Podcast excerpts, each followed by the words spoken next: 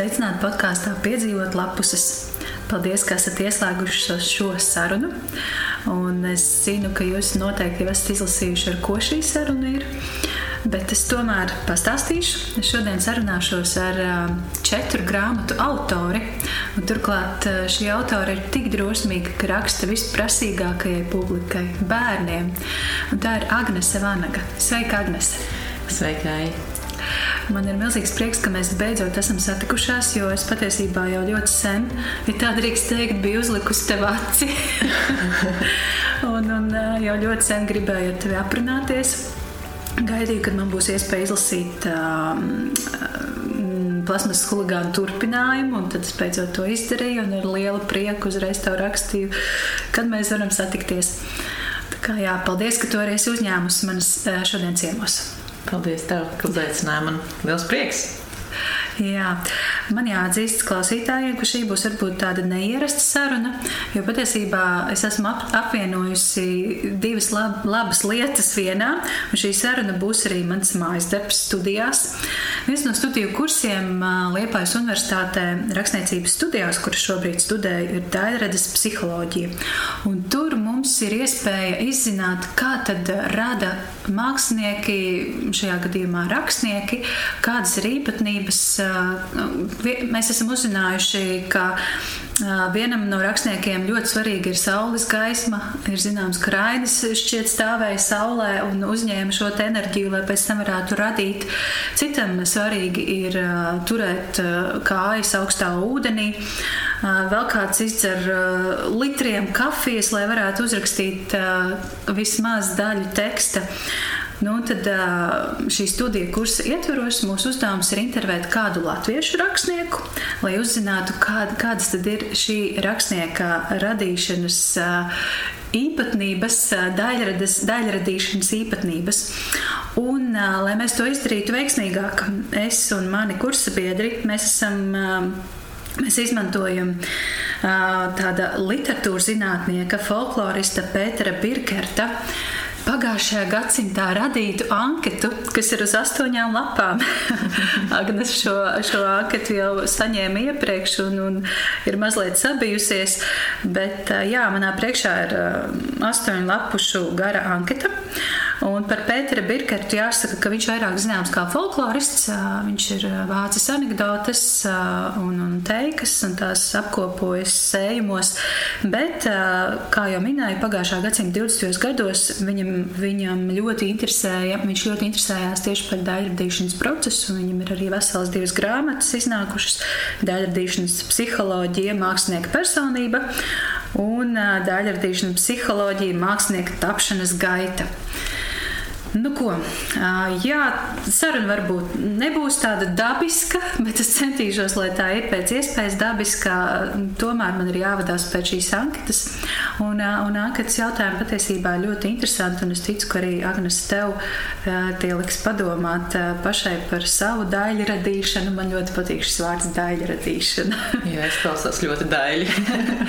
Jā, un, un, un pastāstīt arī klausītājiem, kā tad top tavas grāmatas. Un, uh, pirmā uh, daļa šajā anketā ir mākslinieka tapšana un izveidošanās. Un šeit uh, svarīgi saprast, kā tad uh, mākslinieks ir tapis un kādi ir, tie, ir bijuši un ir tie apstākļi, uh, kādā top rakstnieks un uh, kādā rakstniekam patīk radīt. Un, uh, sākam mēs ar vecākiem un agro bērnību. Bet es pirms ar pašu, pašu svarīgāko, kā tevi sauc, un, mm -hmm. un vai tev ir pseidonīms, varbūt tu esi kādreiz rakstījis ar pseidonību, mm -hmm. un kāpēc tieši tāds tas bijis, ja, ja tas, protams, ir bijis. Tad mani sauc Agnese Vanaga. Um, pseidonīms man nav bijis, bet es kādreiz esmu par to domājusi. Jo um, man šķitas, ir, ja man, man tā šķiet, ka kādreiz es kaut ko rakstīšu, varbūt tādu, nezinu, pieaugušiem vai kaut ko tādu personīgu, ko es baidīšos atklāt, runāt, un man pseidonīms būs vajadzīgs. Bet, bet pagaidām mm, tas, ko es rādu, ir bērniem. Un tas, ko es radu, ir eh, mans fantāzijas augsts. Tur nav iesaistīti nekādi citi eh, sabiedrībā zināmi personāļi vai radinieki vai, vai, vai kā. Un es domāju, ka ar manu vārdu un uzvārdu ir, ir, ir gana. Mm. Un kur tu esi dzimusi, kur tu esi augusi un kur dzīvo pašlaik? Es esmu dzimusi Rīgā un augusi esmu Pierīgā. Tas ir Lankstiņos, ārpus, ārpus Rīgas nedaudz. Un, pašlaik es dzīvoju starp tādām divām dzīves vietām. Daļu, daļu gada, rudens un ziemas periodu mēs dzīvojam Rīgā. Jo tā ir ērti. Tas ir ērti, tāpēc, ka bērni iet skolā un, un, un pulciņos. Un otru daļu, vasaras, vasaras daļu, mēs dzīvojam ārpus Rīgas, Cernikavas novadā. Mm -hmm. Un kad tu esi dzimusi? Es esmu dzimusi 85. gadā, pavasarī, cīruļputenī. Kad visapkārt putināja, tad es izdomāju, ka ir, ir jānāk. Droši vien ir kāds ekstrēms stāsts par to dzimšanu. Nē, tikai tas, ka, kad aprīlī parasti sniegs, sniegs tad, tad, tad māma vienmēr man uzzvana. Un, un, tā, kā, tā ir tāda sajūsma, redz, atkal aprīlī sniegs, sniegs, tā kā toreiz. Skaisti. Un kāda ir tava pamatnodarbošanās? Cik, liela, jā, cik daudz laika tu veltīji vispār rakstīšanai, vai tas ir tavs darbs, vai tomēr tava pamatnodarbošanās ir kaut kas pavisam cits, un rakstīšana ir tāds kā hobijs? Pastāst vairāk par šo. Um, man ir trīs bērni, līdz ar to lielu laika, un, kā es varu teikt, varētu teikt, pamatnodarbošanās ir tomēr bērnu kopība. Un uh, rakstīšana ir tāda otra puse, bet, uh, bet man šķiet, ka viņi kļūst arvien, arvien um, spēcīgāki, arvien vairāk es tam, tam veltu laiku un enerģiju. Un es varētu teikt, ka pamazām tā kļūst par tādu patstāvīgu nodarbošanos, jo to es redzu pēc tā pavadītā laika cik daudz dienā to, to, to, to daru. Es esmu apaugs ar tādiem darbiem, ar idejām, ar iecerēm, un, un viena iecer virz nākamo, un, un tā kā veļas tā kā tāda sniega bumba. Ja sākumā varbūt tā bija tā tiešām viena sniega pika, ko es iemetu, un tā gaidīju, kā, kā tas būs, mm, tad tagad jau tas, es to te, tiešām varētu nosaukt savu pamatnodarbošanos, nu, ko, protams, es dalu ar, ar, ar ģimenes dzīvi un tādiem māmas pienākumiem. Mm -hmm. Tie ir vissvarīgākie māmas pienākumi. Bet tā tad, jā, tu, tu saki, ka ir kaut kādi projekti, kas, kas ir tavā galvā un pamazām attīstās. Varbūt kaut kas jauns top. Man uzreiz gribas pajautāt ārpus anketas. jā, top, um, top audio stāsti, um, kur iecer um, parādījās pirmā pandēmijas vīņa laikā pavasarī, kad bērni bija, bija ļoti, ļoti kā, pielipuši pie ekrāniem un viss notika datorā pēc tam televizorā. Tur vienalga projektora ekrānā, bet viss noteikts ar to vizuālo informāciju. Arī tās pašas grāmatu lasīšana, tas ir atkal acis un skatīšanās. Un, un tad, tad man uh, ienāca tā ideja par audio stāstiem, kas, kas ļautu kā, pilnīgi aizvērt acis apgulties dīvānā un ļauties tam stāstam bez nekāda tāda vizuāla, vizuāla stimula. Un, un tā radās uh, ideja, jo es arī noklausījos tādu jaunu tehnoloģiju, 8D mūzikas ieraksti kas dod tādu, tādu telpisku sajūtu, ka tu klausies nevis tā, tā tieši, bet tā telpiski. Un, un, un pašlaik ar Kārli Auzānu, mūziķu un komponistu. Šo stāstu, šie stāsti ir gatavi. Tas būs 7, 8 sērijas, un tagad jau tiek ierakstīti. Cik interesanti. Jā. Nu jā, 8D tu teici. Tā ir tāda, jā, 8D tāda tehnoloģija, ka tās sajūta, jo tajā stāstā būs jāklausās austiņās vēlams, vai, protams, mm. arī citās ierīcēs, bet vēlams klausīties austiņās. Un tad tā ir nedaudz tāda sajūta, ka viņi to skan tā kā galvā, tā kā kaut kur no aizmugures, tā kā no priekšas. Nu, tā kā, kad tev ir jāļaujās tam, tam, tam stāstam. Un tam, es reiz iedomājos, ka notiek kāds dialogs, tad tiešām nu, tās skaņas ir jā. katra no savas puses. Jā, lai līdzīgi arī ir. Jā. Mm. Ļoti interesanti gaidīšu, gaidīšu nepacietību. Labi. Kā ar vecākiem? Te ir jautājums par vecākiem un viņu nodarbošanos par brāļiem, māsām, vai tu esi vienīgais bērns ģimenē. Es pieņemu, ka tas droši vien ir domāts tā, lai mēs pētnieki saprastu, vai tā rakstīšana ir iedzimta, mhm. vai, vai tas ir kaut kas nu, nebijis tavā ģimenē dzimtā. Es paldies Dievam, nesmu viens bērns ģimenē. Man liekas, ka tas, eh, tas ka esmu augsts trīs bērnu ģimenē, ir liels liels bonus. Varbūt tāpēc neapzināti es arī esmu nokopējis šo modeli. Man arī ir trīs bērni. Un, eh, līdz to es esmu augsts tādā lielā jēzgā un tādā, tādā jāmpadracī. Un uh, par vecākiem runājot, tad um, neviens ne otrs vecāks nav bijis tāds rakstošs, radošs, bet uh, mans vectēvs bijis tāds ar ļoti, ļoti lielu tādu māksliniecisku dvēseli. Viņš gan zīmējis, gan, gan mācījis teikt skaistas runas, gan, gan dziedāt, gan, gan priekšnesumus sniegt, gan rakstīt uh, skaistas vēstules apsveikumus vecmāmai. Tāpēc varbūt, ka kaut kur varbūt tur kāds gēns ir uzpeldējis, bet es domāju, ka arī kaut, kaut kādā ziņā ir tā bērnība, kurā es esmu augusi, tā vide arī ir, ir veicinājusi, jo mēs augam nevis, tiksim, Rīgā, kur varbūt ir daudz izklaižu un aktivitāšu, mēs tomēr bijām tajā pierīgā un vasaras pavadījām laukos, un tur bija diezgan daudz tādu būšanu vienatnē ar saviem māsām brāļiem, un nu, tāds vairāk tāda, tāda, tāda saurubāk tā dzīve. Nu, kā saka, ļaujiet bērniem garlaikoties, un tad viņi sāks radīt paši kaut ko. Ja? Jā, droši vien. Jā. Tas arī, manuprāt, ir atkarīgs arī no cilvēka temperamenta. Es pēc temperamenta esmu ļoti mm, emocionāla. Un, un emocijas ir tas, kas notiek nepārtraukti un ir viļņiem augšā lejā. Un, un tieši es domāju, tā rakstīšana ir bijusi tā, kas man ir kā tā terapija ļausi. Um, nomierināties, ļaus apjaust savas sajūtas, tā atgūt tādu līdzsvaru. Un, un iespējams, ka kādam citam, kuram vienkārši tās emocijas nav tik daudz, viņam nav vajadzīgs šis rīks. Tu minēji, ka bērnība pavadīja laukos un, un tad uh, arī vienatnē, bet kas bija tas, ar ko tu nodarbojies bērnībā? Kādas bija tavas mīļākās rotaļas? Jo, jo tagad uh, es esmu bieži dzirdējis, ka ir vērts pavērot savus bērnus, kas viņiem patīk ļoti agrā jaunībā, bērnībā, jo tā, tas, tas iespējams ir tas, ar ko viņi varētu nodarboties arī arī nākotnē, jau pieaugušā vecumā. Varbūt arī tur rakstīs stāstus, jau maziņa. es uzreiz tā pilnīgi kā iegrimu tādā, mēģināju atcerēties, kā bija. Um, mēs ļoti daudz pavadījām laiku lomu spēlēs. Tā kā man ir māsa ar brāli, nedaudz mazāk mēs spēlējāmies. Viņš bija vairāk varbūt tāds saurupāks, un viņam bija savs puikas tēls. Tad ar māsu mēs ļoti daudz pavadījām laiku tiešām mm, pirmkārt rakstot kasetēs visādus radiosižetus nepārtraukti. Mēs runājām un izdomājām gan laika ziņas, gan sporta ziņas, gan, gan intervijas. Tad mums ļoti patika pārģērbties un tiešām ampelēties tādā veidā. Mēs, tāds, tāds smieklīgs episods, ko es mammai bieži vien atgādinu, ka mēs um, steidzāmies Tas, tā spēle saucās teikšanās, kad tiek paņemta kaut kāds burtnīts un tiek ātri, ātri kaut kas rakstīts, rakstīts, rakstīts, ap visu sakravāts, pēc tam ratos iemests bebis un tiek dragāts apkārt māju, ir jāsteidzās.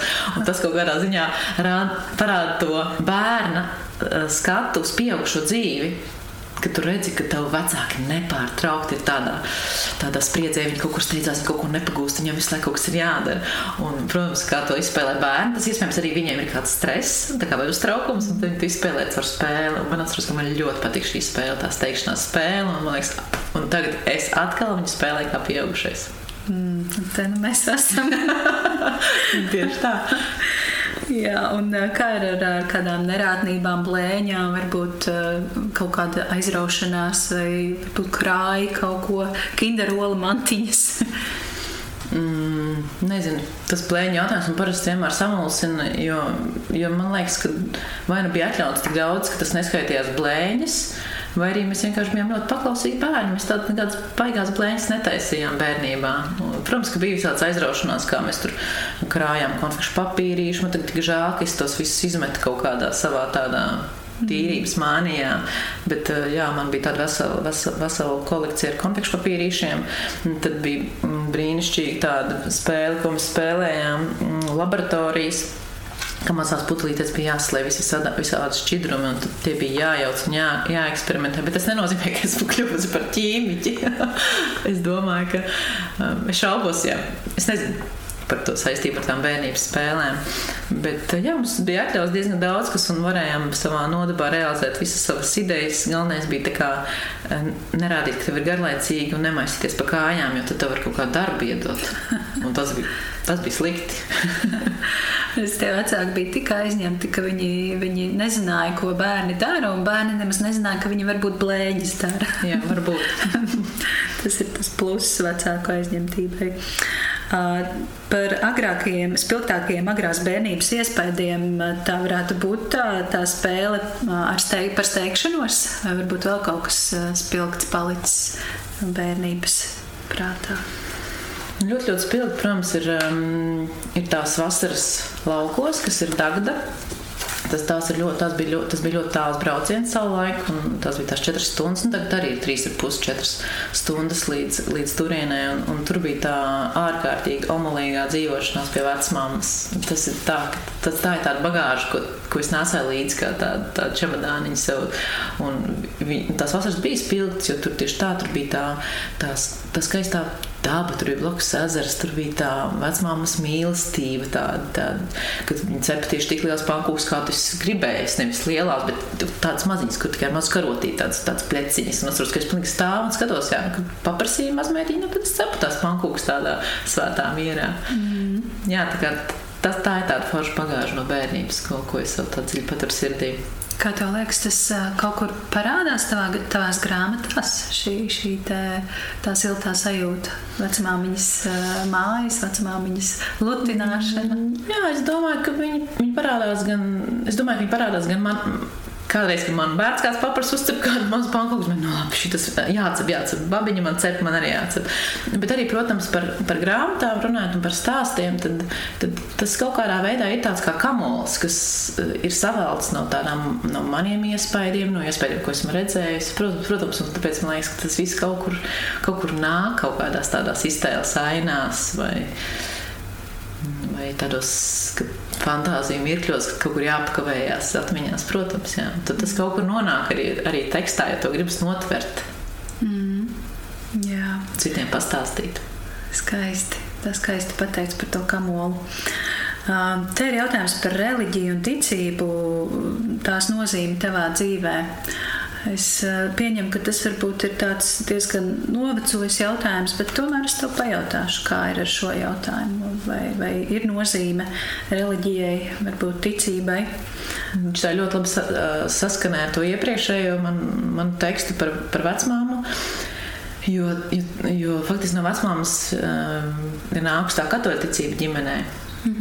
Tā kā Latvijā um, iešanas baznīca un, un ticība ir tāda svarīga, uh, svarīga cilvēka sastāvdaļa, tad jā, tad ticībai un reliģija ir nozīmēta dzīvē. Mēs esam visi katoļi un arī bērni tiek audzināti līdzīgi, vismaz mēģināti mm. audzināt, cik nu var. Uh, un tāpēc, jā, tam ir tāds kaut kāds tāds, tāda gaišuma atblāzma un tāda, tāda tāds savs šķautnis, ar ko raudzīties uz pasauli. Jā. Viņai, viņai ir noteikti, un, protams, ka varbūt bērnībā tā bija vie, kaut kāda viena veida tāda iešana uz baznīcu, ka tu negribi iet un vienkārši riebis sēdēt to stundu. Un, un, un teiksim, bet babiņa atļauj, nu, tu vari nesēdēt uz celīšiem, tu vari sēdēt ekutē, un te viņi iedod pastīties kaut kādas bildītas. Nu, tā ļoti, ļoti mīļi par to, par to bērnu tādu, varbūt tādu negribēšanu izturējās. Un, un citreiz, kad gribēs gulēt, tad, tad ļāva neiet. Tā, tad tad tā lēnām tā. Tas ticības un tas reliģijas fons ir bijis ģimenē, un viņš nav tāds svešs. Tas ir ļāvis arī pastīties arī daudz pieņemošāk uz visu citu, kas notiek pasaulē, un uz citām reliģijām ar tādu lielāku izpratni. Un, un, un, uz, jā. Mm. Jā, tu minēji vārdu gaišums, un manuprāt, tas jūtams arī tavās grāmatās. Šis gaišums, jā, tā kā daļradīšanas process, viss, viss ietekmē šo procesu. Labi, dodamies tālāk, un uh, mēs esam nonākuši skolas gados un jaunībā. Cik gados tu sāki iet skolā? Um, sešos. Kā agrāk, man liekas, ka visi gāja sešos gados. Jā, es arī sāku sešos gados. Jā. Neko bija, bija tīri labi. Es domāju, ka mums, mums pat vēl lika gulēt pusdienlaiku. Skolā? Jā, pirmajā klasē. nē, tā nē, bet atceros to, ka neko nesapratu, kad aizgāju skolā. Kā ārprāts. Nu, tā kā es man atceros to šoku, ka tu esi ievests skolā. Tu liekas, kas te notiks? Es vēl nebiju gājis bērnu dārzā. Ah. Tad nu, mēs kā nonāk tādā lielā skolā, ka tev ved 12 klasnieks pie rokas un skaties vienkārši to pieaugušo cilvēku. Domā, kur viņš mani ved? Kas tie par zvaniem? Kas notiks? kas bija šī skola? Skolu, kur tu sāki mācīties? Um, es sāku mācīties 45. vidusskolā. Tā ir uh, teikā skola. Tad, gan, protams, esmu vairākas reizes mainījis skolu, gan tāpēc, ka mēs mainījām dzīves vietu, pārcēlāmies no Rīgas uz ārpus Rīgas, gan, gan tāpēc, ka vecākiem šķita, ka vajag varbūt kaut ko labāk, un tad, tad es kādas trīs reizes nomainīju skolu. Mm -hmm. Bet uh, kura būtu tā skola, kuru tu sauktu par savējo? Tā ir mana skola, un es to, to atceries ar labu, labu sajūtu, un, un skolotāji tev ir palikuši prātā. Um. Man ļoti ir palikusi prātā mana literatūras skolotāja, tāda Anita Bambale, pie kuras es biju pavisam nesen arī ciemos. Um, tā ir no otrās pagarinātās darbdienas skolas, tā kas tagad ir Ezerkrasta vidusskola Juglā. Bet tā pēdējā skola, droši vien, ko es saucu par savu skolu, tā pati 45. vidusskola, jo es viņā sāku iet līdz 4. klasē, pēc tam es atgriezos uz vidusskolu. Tā kā pabeidzu to skolu, tā kā sāku un pabeidzu to skolu, tāpēc tur es jūtos piederīgi un tur es eju uz sadalījumiem, un tur man palikuši arī skolas biedri un draudzenes no tās skolas. Mm -hmm. Tāds tomēr 45. vidusskola. Mm -hmm. Sāku kā gradzenveida kompozīcija. un eh, kas, kas bija tie priekšmeti, kas tev patika skolā? Droši vien, ka literatūra, ja tu pieminēji, ka patika skolotāji, tad jau visticamāk. Jā, man tajā sākuma skolā ļoti, ļoti patika literatūra, jo skolotāja Anita spēja tik ļoti labi mm, uzbūrt tos tēlus un, un tik, tik jauki izstāstīt. Un, un tos, atceros, tie mājas darbi bija tik forši, ka bija jāzīmē tautas dziesmas un pašiem jāsacer tautas dziesmas. Kaut kā tas tā ļoti tāda mīļuma ir palicis atmiņā. Bet patiesībā man tādā vidusskolā vairāk patika matemātika. Un, un tā, tā, tā, tā rēķināšana un geometrija, un tas, ka vienmēr ir kāds iznākums. Mm. Skaidrs, zināms. Ļoti interesanti. Un, un kur bija tie priekšmeti, kas nepatika un kur neveicās? Man nebija tāda priekšmeta, kur nepatika vai neveicās. Man varbūt vispār nekad nav paticis tāds um, skolas uh, formāts, ka tev liek atzīmes, piemēram, mākslā vai, vai sportā, jo man ļoti patīk sportot. Bet es ļoti pārdzīvoju, piemēram, ka es nevarēju noskriet varbūt tik ātri kā to sprintus tik ātri, lai gan man ļoti labi padevās maratoni. Līdz ar to man liekas, nu, tas, tas koncepts man ļoti bieži ir nepaticis, kad ir jāpild mājas darbi vai ka ir vai ir tādi pārbaudas darbi, kur tu, tu apjūti un nezini, ko atbildēt. Vairāk dēļ stresa, nevis dēļ tiešām tā, ka tu nezini. Bet uh, kopumā man viss mācību priekšmeti patika. Un, un, un visi, bija arī lielākoties visos ir paveicies arī ar skolotājiem, kur bija jau tādi veci gada gājumi, bet uh, visi bija, ja viņos tā ieklausās un, un spēja sekot līdzi, tad visi bija ļoti, ļoti jauki. Kā ir ar tādiem spilgtiem mirkļiem skolas laikā? Varbūt ir kāds palicis prātā, var arī negatīvi kaut ko stāstīt. Kāds spilgts mirklis iz skolas dzīves.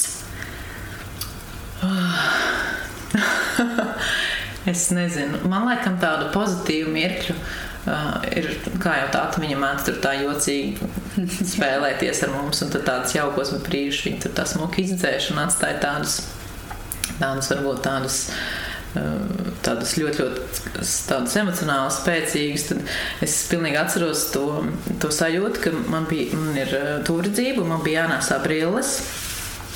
Un šausmīgi nepatika nēsāt brilles, tā kā ļoti, ļoti nepatika. Un, Un tad es saņēmos un, un uzvilku tās brīles, tāpēc, ka nu, es neredzēju uz tāfeles vairs neko, kas tur, kas tur tiek rakstīts. Māma ir pamanījusi, ka nu, jau kaut kādus gadus, divus man nav pierakstu nekādu no skolas. Es tā kā visu lieliski apgūstu, vienkārši uzmanīgi klausoties un, un atceroties. Un tad, tad liek uzvilkt tās brīles, un es aizēju uz to skolu. Es pilnīgi atceros, kā es eju uz to skolu, katru soli, ko es spēru. Un es redzu, kā visi uz mani skatās, visi svešie cilvēki skatās, ka man ir tās brīles uz, uz acīm. Un, un, un es pilnīgi aizēju uz to skolu un apsēžoties skolas skolā, un viens puisis pasaka, o, tu izties kā sīpoliņš. Un viss, un es atceros, ka es tādas brīvības nometu, viss, nē, un tā arī man, protams, nezināja.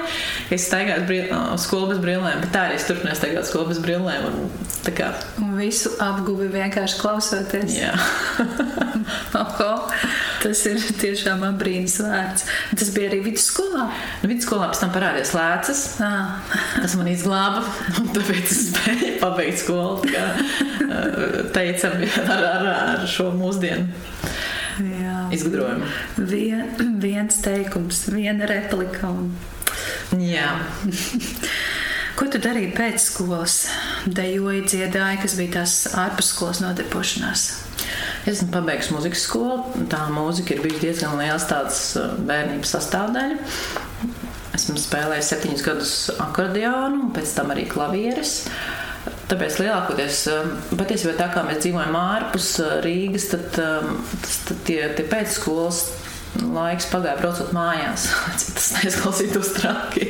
Bet vienkārši, kamēr sagaidi tramvaju, kamēr tu sagaidi autobusu, un tad tu esi mājās, tad tev jāapmācās, ir jāapspēlē akordeons, un, un tad jau ir vakars. Tā kā es tādu neatceros tādu dzīvošanos pēc skolas, kā ir, kā ir maniem bērniem, kad, kad viņiem kaut kāda zinām brīvība, un viņi var dot vaļā spēles un rotaļas. Tās rotaļas un spēles tas bija vasarā rudenos, ziemā, pavas, pavasaros bija tāda tiešām mācība tāds posms. Mm -hmm. Tomēr mūzika bija tavā, tavā ikdienā mm -hmm. arī. Akordeons un, un klavieris. Un tad es atceros, ka teicu par matemātiku, ka tā tev patika. Tur viss tā ļoti labi saskan.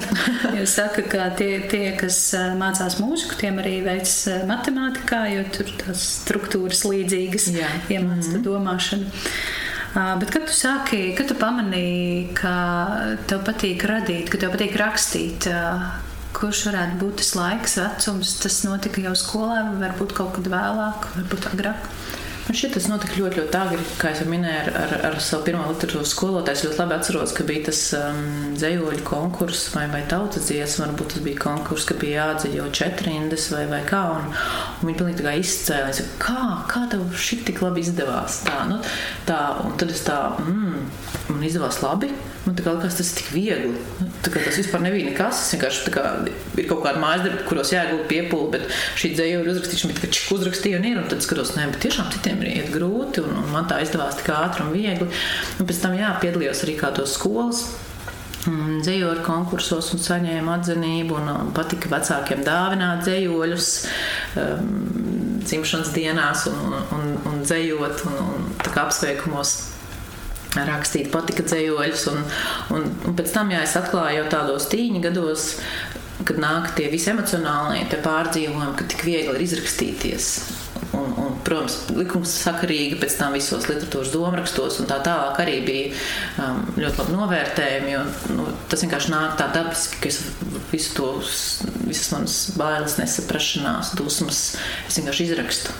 Mm. Tu minēji, ka tīņa gados tās dusmas, bailes, tas bija veids, kā no tām tikt vaļā. Tad, ja nākamais jautājums ir, kādi faktori un apstākļi modināja jūsos snaudošo rakstnieku, dzinieku, tad var teikt, ka tās ir emocijas. Jā, viennozīmīgi. Jā. Mm. Man liekas, ka es arī esmu par to daudz domājis, par to radošo mm, procesu, kas ir tie katalizatori, tad, tad, manuprāt, emocijas. Es nezinu, vai visiem, bet man tās ir emocijas, jo es joprojām nemāku ar viņām tikt galā, varbūt veiksmīgi. Un, tad, nu, es, nu, varbūt nemāku tik galā, ka man ir krietni vairāk varbūt iedalīts, un līdz ar to rakstīšana vienmēr ir tas veids, kā atrast to līdzsvaru, izpeldēt. Pētera Birkarta anketā parādās vārdu savienojums laimīga nejaušība, šīs te rakst, nu, pievēršanās mm -hmm. rakstniecībai. Tu tam varētu piekrist, vai tomēr, vai tomēr tas ir tāds mētiecīgāks process, vai atkal dabi, kaut kas ļoti dabisks, kas vienkārši tā ir noticis? Man patīk tas apzīmējums laimīga nejaušība, jo es tai ticu ka tādas laimīgas nejaušības mums ir visapkārt. Mēs ik pa laikam viņam pieskaramies, viņas pieskarās mums. Un rakstīšana savā ziņā, jā, tās idejas, viņas ir kā tādas laimīgas nejaušības, kas tev iešaujas reizēm prātā, kaut kur tev aizķeras uzmanība kādā, kādā detaļā. Kāds tev kādreiz pasaka kaut ko, tu pēkšņi iedomājies. Līdz ar to, manuprāt, jā, tās ir tās laimīgas nejaušības. Viņas vienkārši mm. atnāk. Protams, tev jābūt ir uh, dzirdīgam un, un uh, redzošam, lai sajustu to. Mm. Jā, tas ir interesanti, ko tu pateici, ka tā, visu laiku notiek apkārt šīs laimīgās nejaušības, bet mums tās ir jānotver. Ja mēs jau varam spēlēt steigšanās spēli un, un skrietām garām un nepamanīt. Un, Tieši tā. Un tad forši, ka, ka nu, lieliski, ka tev, ka, ka tev izdodas notvert. Es ceru, ka izdodas. Dažreiz, dažreiz izdodas, dažreiz man tikai steigšanās, bet arī droši vien noslēgšanās spēles, pieaugušie spēlē. Un, un, un, un tad, tad, ir, tad ir grūtāk, jā. Bet, bet, ja ir atvērtas tās maņas, tad es domāju, ka. Mm Un kā ar skolotājiem? Vai ir kāds īpašs te teikts, daļradīšanas skolotājs, kas ir bijis tavā ceļā. Tu minēji skolotāju, mm -hmm. literatūras skolotāju Aneti. Anete. Anitu. Anita. Mm -hmm. uh, varbūt vēl kāds ir bijis, kas tev palīdzējis tieši rakstīšanā un radīšanas procesā arī vēlāk. Mm. Es laikam esmu tāds uzslavs cilvēks. man patīk, ka man, man iedvesmo tas, ka es saņemu atzinīgus vārdus, jo pašai reizēm trūks pārliecība par to, ko es daru. Tad, tad um, no tādiem skolotājiem man gribētos atzīmēt, ka tad, kad sāku savu žurnālistu gaitu, es arī tā nedroši, tā bailīgi domāju, vai es to varēšu, jo man nav izglītības, man tikai tā finanšu uh, izglītība, finanšu tā sfēra bijusi tuvu. Kad sāku žurnālista gaitas dienas biznesā, finanšu nodaļā, tad arī atceros, kad uh, redaktore galvenā redaktore Dārsa Andersone arī tā atzinīgi izteicās, jā, ļoti labs teksts. Es pilnīgi atceros to, to viņas intonāciju, to, to, to, to, to visu to tādu kā foto uzņēmumu un to savu sajūtu. Oho, varbūt, ka man sanāk. Redz, kā ja vadās pēc šādas anketas un uzdot jautājumus tikai pēc anketas, tad es nemūžam neuzzinātu, ka tev ir finansists izglītība, ka, ka tu esi strādājusi žur, žurnālistikā, dienas, dienas biznesā, kas ir Jā. diezgan tāds nu, specifisks rakstīšanas veids droši vien, un šobrīd pilnīgi pretēji raksta bērniem. Kā tas viss iet kopā, interesanti. Man šķiet, nav pretējs. Jā. Jo tā mans tas galvenais tā, tāds, tāds motīvs un tas lozungs ir, tev ir jāraksta tā, lai tas būtu interesanti. Un līdzīgi ir bērniem, tāpat kā tur viņiem runā un stāsta vai, vai lasa, viņiem ir jābūt interesantam. Tāpat arī cilvēki, kad lasa par investīcijām vai akciju tirgiem vai, vai, vai ieguldījumiem. Tu vari uzrakstīt to visu skaistā, sausā finanšu valodā, bet tas vispār nebūs nevienam interesanti. Tas būs interesanti ļoti, ļoti mazai daļai. Tāpēc tur arī jābūt tieši tam pašai tādai tādam, tādam skaistam tādam tekstam, lai viņš aizrauja lasītāju. Hmm, ļoti interesanti. Man tagad gribas, tā vien gribas uh, atrast kādu tevis rakstītu. Jāsameklē. nu, jā, dienas biznesa rakstu. Labi, ejam tālāk. Un nākamais, mēs jau esam diezgan, diezgan labi parunājuši. Tagad droši vien pie tā būtiskākā jāķers klāt, un tas ir daļradīšanas process un tā gaita. Un Pēters Birkerts savā anketā izdala trīs daļradīšanas procesa posmus. Pirmais ir, kā viņš to, to pats nosauc, koncepcijas laikmets, jeb idejas dzimšana. Otrais ir inkubācijas laikmets, jeb idejas nogatavošana iepazīšanās, kad tu staigā ar to ideju un, un mēģini saprast, kā ķerties tai klāt. Un visbeidzot, ir tas iedvesmas laikmets, ja pati radīšana, un, un tie, kas ir kaut ko radījuši, droši vien zina šo sajūtu, ka, ka nu, vismaz man ir tāda sajūta, ka es lidoju un atliek tik pierakstīt. Bet man būs interesanti dzirdēt, kā ir tev. Pir, pirmkā, pir, pirmais ir idejas dzimšana, un pastāstīja, Kā, kad dzima tavu darbu pir, pirmās idejas, pieņemsim, mēs varam paņemt plasmas huligānus, kad, kad tā ideja dzima un kā tā radās, kad un, un kā? Interesanti, ka viņš ir izdalījis uz trīs posmus par to dzimšanu, inkubāciju un radīšanu. Mm, man ar, ar visiem maniem darbiem ir tā, ka man tiešām dzimst tā ideja, viņa nu, dzimst varbūt nav pareizais vārds, bet tiešām varbūt drīzāk tā kā atlido vai pēkšņi tā kā. Šis ir. Nu, kā, un tad man tas pats svarīgākais ir viņu neinkubēt. Dievs pasargā, tā kā nedod Dievs viņu kaut kur nolikt malā un padomā, o, šī tas ir labs, lai viņš nostāvās. Man svarīgi ir viņu uzreiz noķert, uzreiz pierakstīt. Un varbūt tāpēc, ka es pēc dabas arī esmu tāda ātra, nu, tāds, tāds man gāta rezultātu izdarīt nākamais. Līdz ar to man plasmas huligāniem bija tā, ka man atnāca šī ideja. Un tad pašā vakarā es viņu stāstīju bērniem, un tad pašā vakarā es apsēdos un uzrakstīju pirmās, pirmās nodaļas. Es viņu tā kā uzreiz saķeru, uzreiz nekur neinkubēju. es viņu uzreiz saķeru un uzreiz uh, pierakstu. Jo, uh, Jo tās ir tā brīža emocijas, tā ir tā, tas, tas, tas, kā tu minēji, tas, tas lidojums, tā mirklī, un tu pēc tam nevari atcerēties, kā tur bija, kā es tur lidoju. Vai es tagad lidoju, es tagad dzīvoju tajā fantāzijā, tajā idejā, un man viņa ir jāpieraksta, man viņa ir jāizraksta. Un pēc tam, protams, es atgriežos, nezinu, lai turpinātu, lai virzītu viņu tālāk. Bet tas pirmais impulss vienmēr ir, ir jānoķer. Un plasmas huligāniem tā bija, ka es vienkārši tiešām pierakstīju, un, un, un burtiski laikam nākamajā vakarā es bērniem nolasīju. Un tad es sapratu, ka viņam interesē, viņam patīk, viņi klausās, un, un kas tālāk, un kas tur vēl būs. Bet tas ir viss, kā tas viss beidzās. Un tad es sapratu, jā, ka tā ideja ir forša, viņa ir bērniem saprotama un viņi viņu uztver. Un tad es viņu ķibināju klāt katru, katru um, vakaru pa nodaļai. Un ko es jau tālāk, kas, kas tālāk jau man parasti iet varbūt grūtāk, jo man, man vieglāk ir tas pirmais tāds izrāviens, bet pēc tam tālāk to visu varbūt novest tā pakāpeniski līdz galam ir grūtāk. Uh, bet uh, tur bija ļoti forša tā sadarbība bērniem, ka viņi katru vakaru izlasīja un tad, nu, Kāpēc? Kāpēc? A, kas tālāk? Man tā, nezinu, nezinu, nezinu, domāsim, domāsim, redzēsim. Un tad jā, tā mēs pa to nodeļu, tu nodeļai kopā ar bērniem. Katru vakaru es reizē viņu aizmiegu, un es vienkārši turpinu, pēc es, esmu nolasījis to nodeļu, un viņi ir aizmiguši, un es turpinu datorā sēdēt blakus un rakstīt viņiem. Reizēm no rīta pamostos un kaut ko pārakstu. Un, mm. tā. Un, uh, kurā laikā apmēram uh, radās plasmas huligāni? Pirms cik gadiem, uh, kas tas bija par gada laiku? Mm, tas bija 2018. gads. Tas, mm, tas bija mm, kaut kāds, laikam, rudens, man šķiet. Mm -hmm. Vai pavasaris, varbūt ārpus neatceros pat tik precīzi, tāpēc, kad uh, es, es tiešām neatceros. Es tikai ļoti labi atceros to, to vienu um, to ainu, kad tas maisiņš ļoti pār tā ielai. Un es tiešām burtiski viņu arī pastos. Tā kā tāds kaķis, viņš tur tā kā tāda pele, tā kā tāds ezis, kas šļūts pār tā ielai.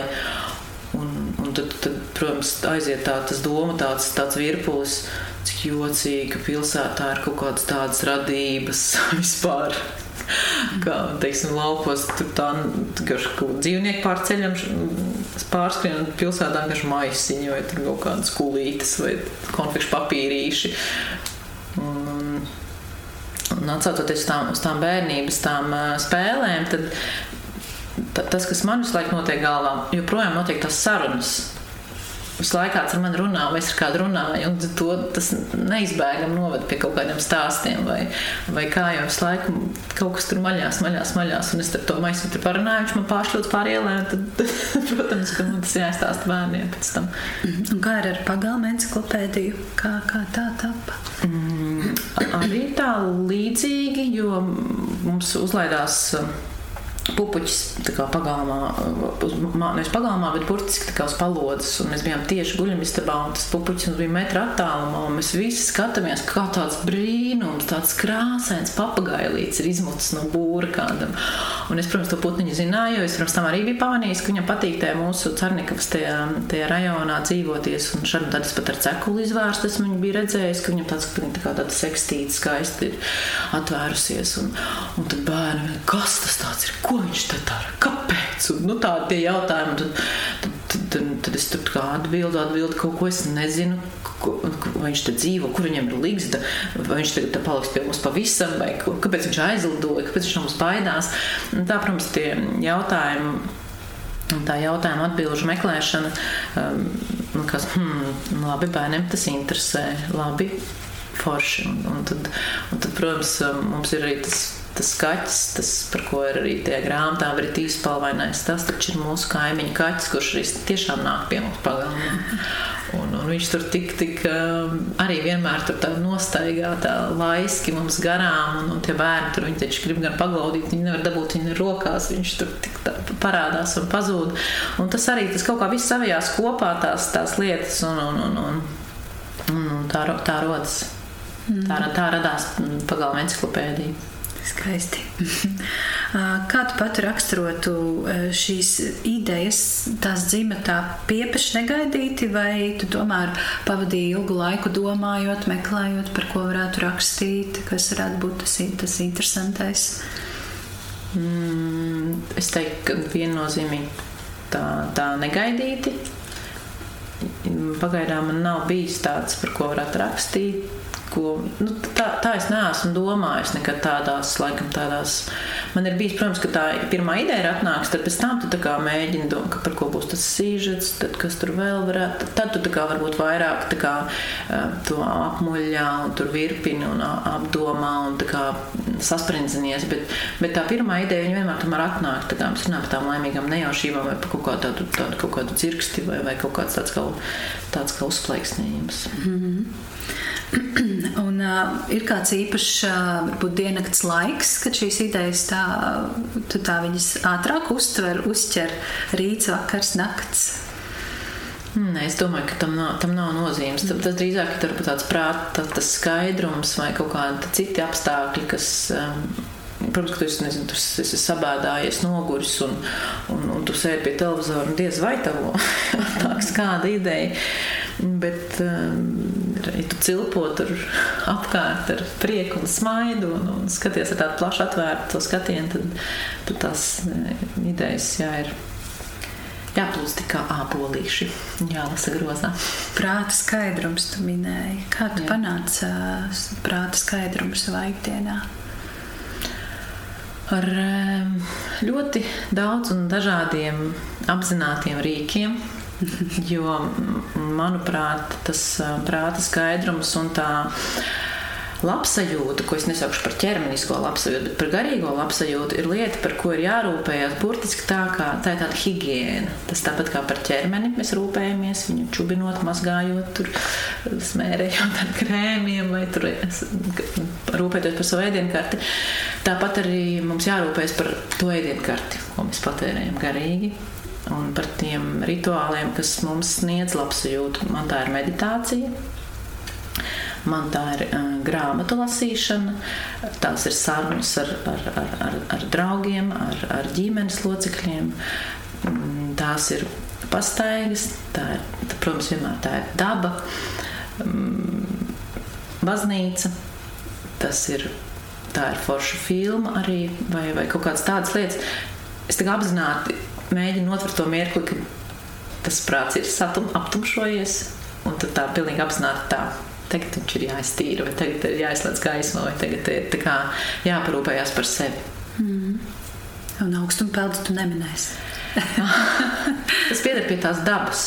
Mm. Jo tā, tā, tā peldēšana visu cauru gadu pie manis atnāca arī burtiski tā tāda ideja, kad es, tā kā mēs dzīvojam Cernikavā pie ezera, Es arī pamodos vienā saulainā rītā, un bija tik skaista diena. Manuprāt, tas bija marts. Es tā skatos, es domāju, tas ezers ir tik skaists, kāpēc viņā nepeldētos cauri kādu.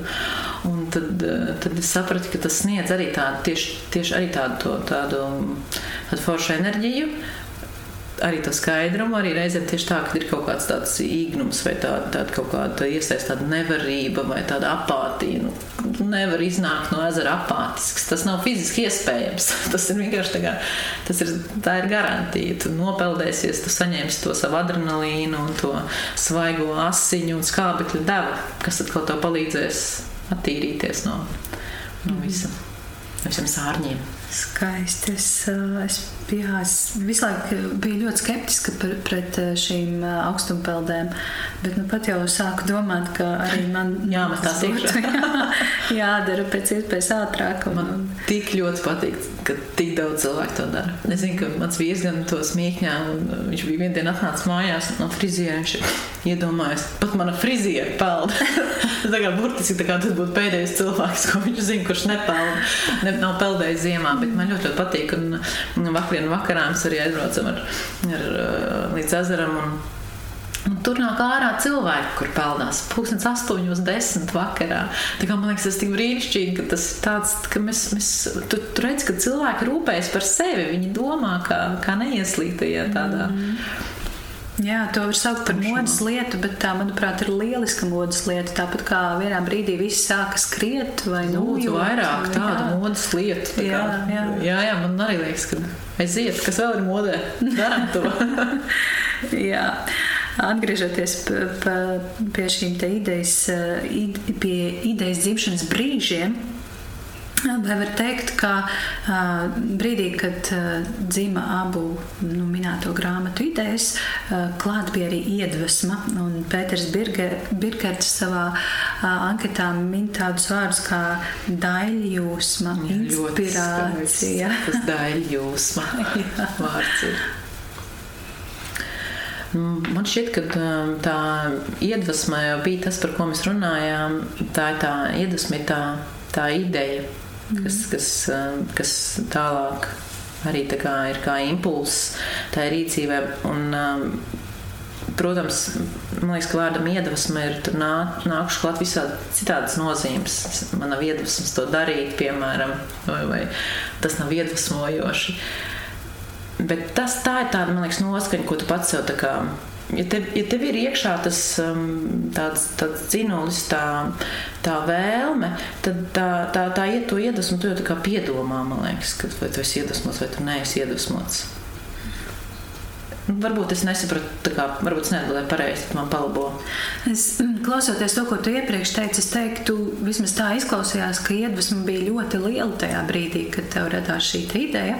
Tu ieraudzīji šo plasmas maisiņu. Jā un uzreiz bija gatava to pierakstīt. Tas ir tāds iedvesmas mirklis, es teiktu.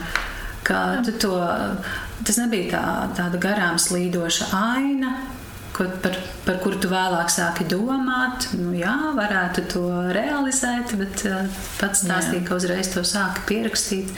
Jo tajā pašā vakarā, mm. dienā. Mm. Jā. Un uh, tad nāk, nāk, jā. Vienkārši man liekas, tā, tā nu, jā, iedvesmoju, iedvesmu un Jā, droši vien, jā, tā pareizi atbildēja. Es nepapildināšu, vai ne? Jā, droši vien papildināt, jo mazums ir, ko es domāju, un tu varbūt pavisam citādāk jūties par to. Nē, nē, tā ir taisnība. Jā. Es vienkārši laikam samūs pie tā iedvesmu, pie iedvesmas, kā varbūt reizēm saka, teiksim, ka nav iedvesmas kaut ko darīt vai kā. Bet, uh, Pie tā pretējā? pretējā jā, nu, tā kā, kas ir, kas ir iedvesmē pretējais, tā, tā puse. Mm, nu, tas ir tāds drūmais, pelēkais. Drūmā, pelēkā ikdiena, kad uh, īsti nekas interesants nenotiek, notiek rutīna. Mm. Un tad īsti nevar ķerties klāt kaut kam. Nav, nav iedvesmas. Jo arī Birkers saka to vārdu daļjūsma, mm -hmm. kas ir kā jūsmošana par kaut ko. Un ta, tu esi tādā iedvesmas stāvoklī arī tad, kad tev nav ideju iespējams, bet um, tu vienkārši jūsmo par kaut ko un tu esi tāds, tāds pacilāts. Mm -hmm. Tas varētu teikt, ka tas ir tavs ideālais stāvoklis, nu, tāds garīgais stāvoklis, būt priecīgai, iedvesmotai, un tas ir tas, pēc kā tu tiecies ikdienā. Man patīk šis stāvoklis pašai priekš sevis. Es jūtos labi, kad es arī es saucu arī par jūsmiņu. Man patīk ļoti jūsmot un, un, un, un priecāties un, un, un, un smaidīt un smieties un, un apbrīnot citus, apbrīnot apkā, apkārtējo vidi un, un lietas. Uh, bet uh, es neteiktu, ka es varbūt uz to tie, kā, apzināti tiecos, tad droši vien kaut kas neapzināts, kas, kas, man, kas man virza tam. Bet es piekrītu, ka reizēm atkal kaut kas rodas labs arī tad, kad tu esi dziļi, dziļi nomākts un, un satricināts un nelaimīgs. Tāpēc es ne, neteiktu, ka, ka tam ir varbūt tāda mm, svarīga, svarīga saistība ar to rakstīšanu. Nu, ņemot vērā, protams, ka es rakstu bērniem, ir svarīgi, lai esmu bijusi priecīga un pacelāta. Tas tā vārdu grāmatā nāk diezgan bēdīga. ir jau arī daudz labas, bēdīgas bērnu grāmatas. Tas gan, tas gan. Bet noteikti dziniekiem būtu ko teikt par, par šo nomācošo stāvokli, sajūtu un, un radīšanu. Kā zināms, dzēja bieži, bieži rodas tādās mokās. Man arī tā ir, ka man, kad, kad man ir slikti un kad es esmu nonākusi kaut kādā tādā bezcerībā un tādā emocionāli zemā punktā, man arī rodas vienmēr tādas kaut kādas brīnišķīgas atklāsmes un, un arī kaut kādi teksti, ko es pierakstu un kaut kādas tādas savas atklāsmes. Tā kā es domāju, ka tas, tas ir visi vajadzīgi stāvokļi. Jautājums, protams, cik ilgi tu vēlies tādā atrasties un, un cik tas tev ir veselīgi. Un tad, kad, tad, kad tu jūti, ka nav veselīgi, tad tu ņem tālāk savus ieročus. Jā, lieliski. Tad uh, ideja, tu paņemsim plasmas huligānus, tu ieraudzīji šo maisiņu, kas lido pāri ielai, uh, radās ideja. Un, vai uzreiz bija arī darba plāns jau galvā? Kā tu, ko tu darīsi tālāk un kas notiks ar maisiņu tālāk? Tu gan man šķiet daudz ko par to jau atbildēji mm -hmm. iepriekš, ka tas viss rakstīšanas procesā notika. Jā, man, ne, man nebija tāda plāna, jo es nebiju tā cerējis uzrakstīt bērnu grāmatu. Turbūt man bija tāda neliela, tāda klusa tāda, tāda cerība, ka tā varētu būt.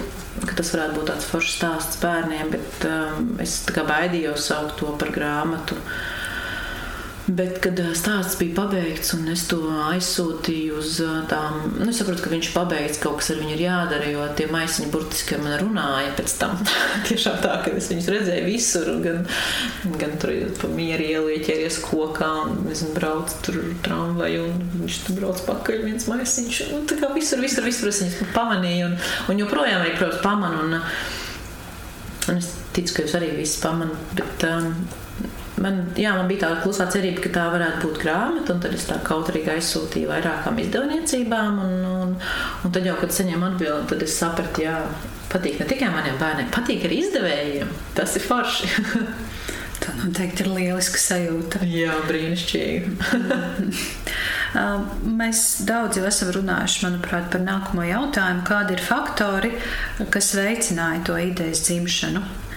Prāta atvērtība, ko tu minēji? Jā, droši vien vienkārši būt tādam um, atvērtam, arī um, kaut kādā ziņā apzinātam ka tu piefiksē to ideju. Jo reizēm, es domāju, tās idejas mums atnāk brīnišķīgi, bet mēs viņas nepiefiksējam. Tāpēc ir svarīgi arī kaut kādā mirklī kā, atzīt to, ka tā, tā, tā ir forša ideja. Man reizēm arī, protams, ir ļoti daudz arī, oh, šī būtu forša ideja filmai. Šis būs skaists kadrs fotografijai. nu, bet arī, arī rakstniecībai tā līdzīgi tu piefiksē, un tad viņi tā kā um, apviļā. Tas, manuprāt, ir svarīgs faktors ne tikai tā kā tādam sietiņam būt, ka kaut kas paliek. Mm. Un uh, runājot par uh, psihisko stāvokli, kāds bija idejas dzimšanas brīdī, parasts, nomākts, pacelāts, jūsmīgs. Man ir vienmēr pacelāts.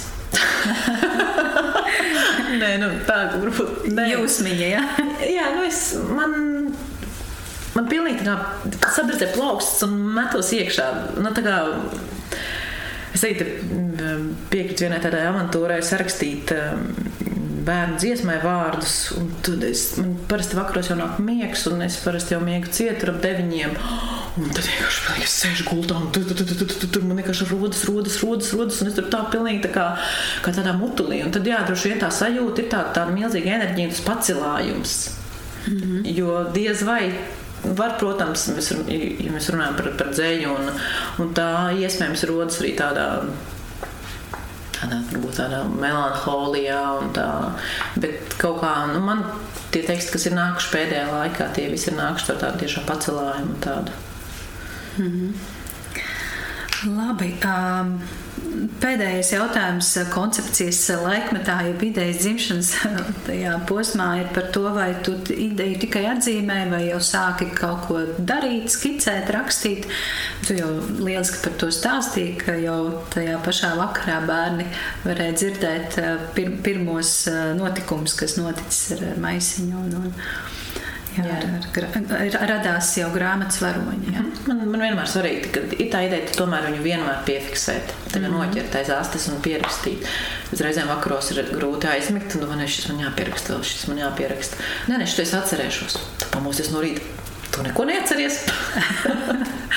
Kā ir tev pie gultas stāv kaut kāds blociņš, lapiņas, pildspāle? Es esmu tāds moderns cilvēks, man viss ir telefonā. Telefonā. Es Jā. visu rakstu telefonā. Datorā. Es ļoti apzināti cenšos sev piespiest lietot blociņu. Nesanāk. Kaut kur viņš noklīst vienmēr un pazūd, un nav pie rokas, un nav pildspalvas. tad ir blociņš tikai. Jā. Jā, tā kā lieliski, ka mums šie, ir, šie te, ir šīs modernās tehnoloģijas. Nākamais ir inkubācijas laikmets, jeb idejas nogatavošanās. Tu gan minēji, ka tu tā īpaši nemīli gatavināt idejas, bet mm. uzreiz tās radīt, bet varbūt kaut kas būs sakāms arī par šo. Vai ilgi sevī nesā radīto, šīs radītās idejas pirms ķerties pie realizēšanas? Jau atbildēts jautājums, manuprāt. Jā, nu es, es nenāsāju ilgi, es mm. cenšos realizēt, bet, bet tā inkubācija varbūt varētu būt atbilde tam, ka reizēm, kad nav kāda impulsa, kas turpina to ideju, tad reizēm saglabājas, protams, tajā datorā tie nepabeigtie iesāktās foršās idejas, kas tur inkubējās. Mm -hmm. Jāpārsauc man tā mapīte par inkubācijas mapīti. ļoti labi ideja. ļoti precīzs nosaukums.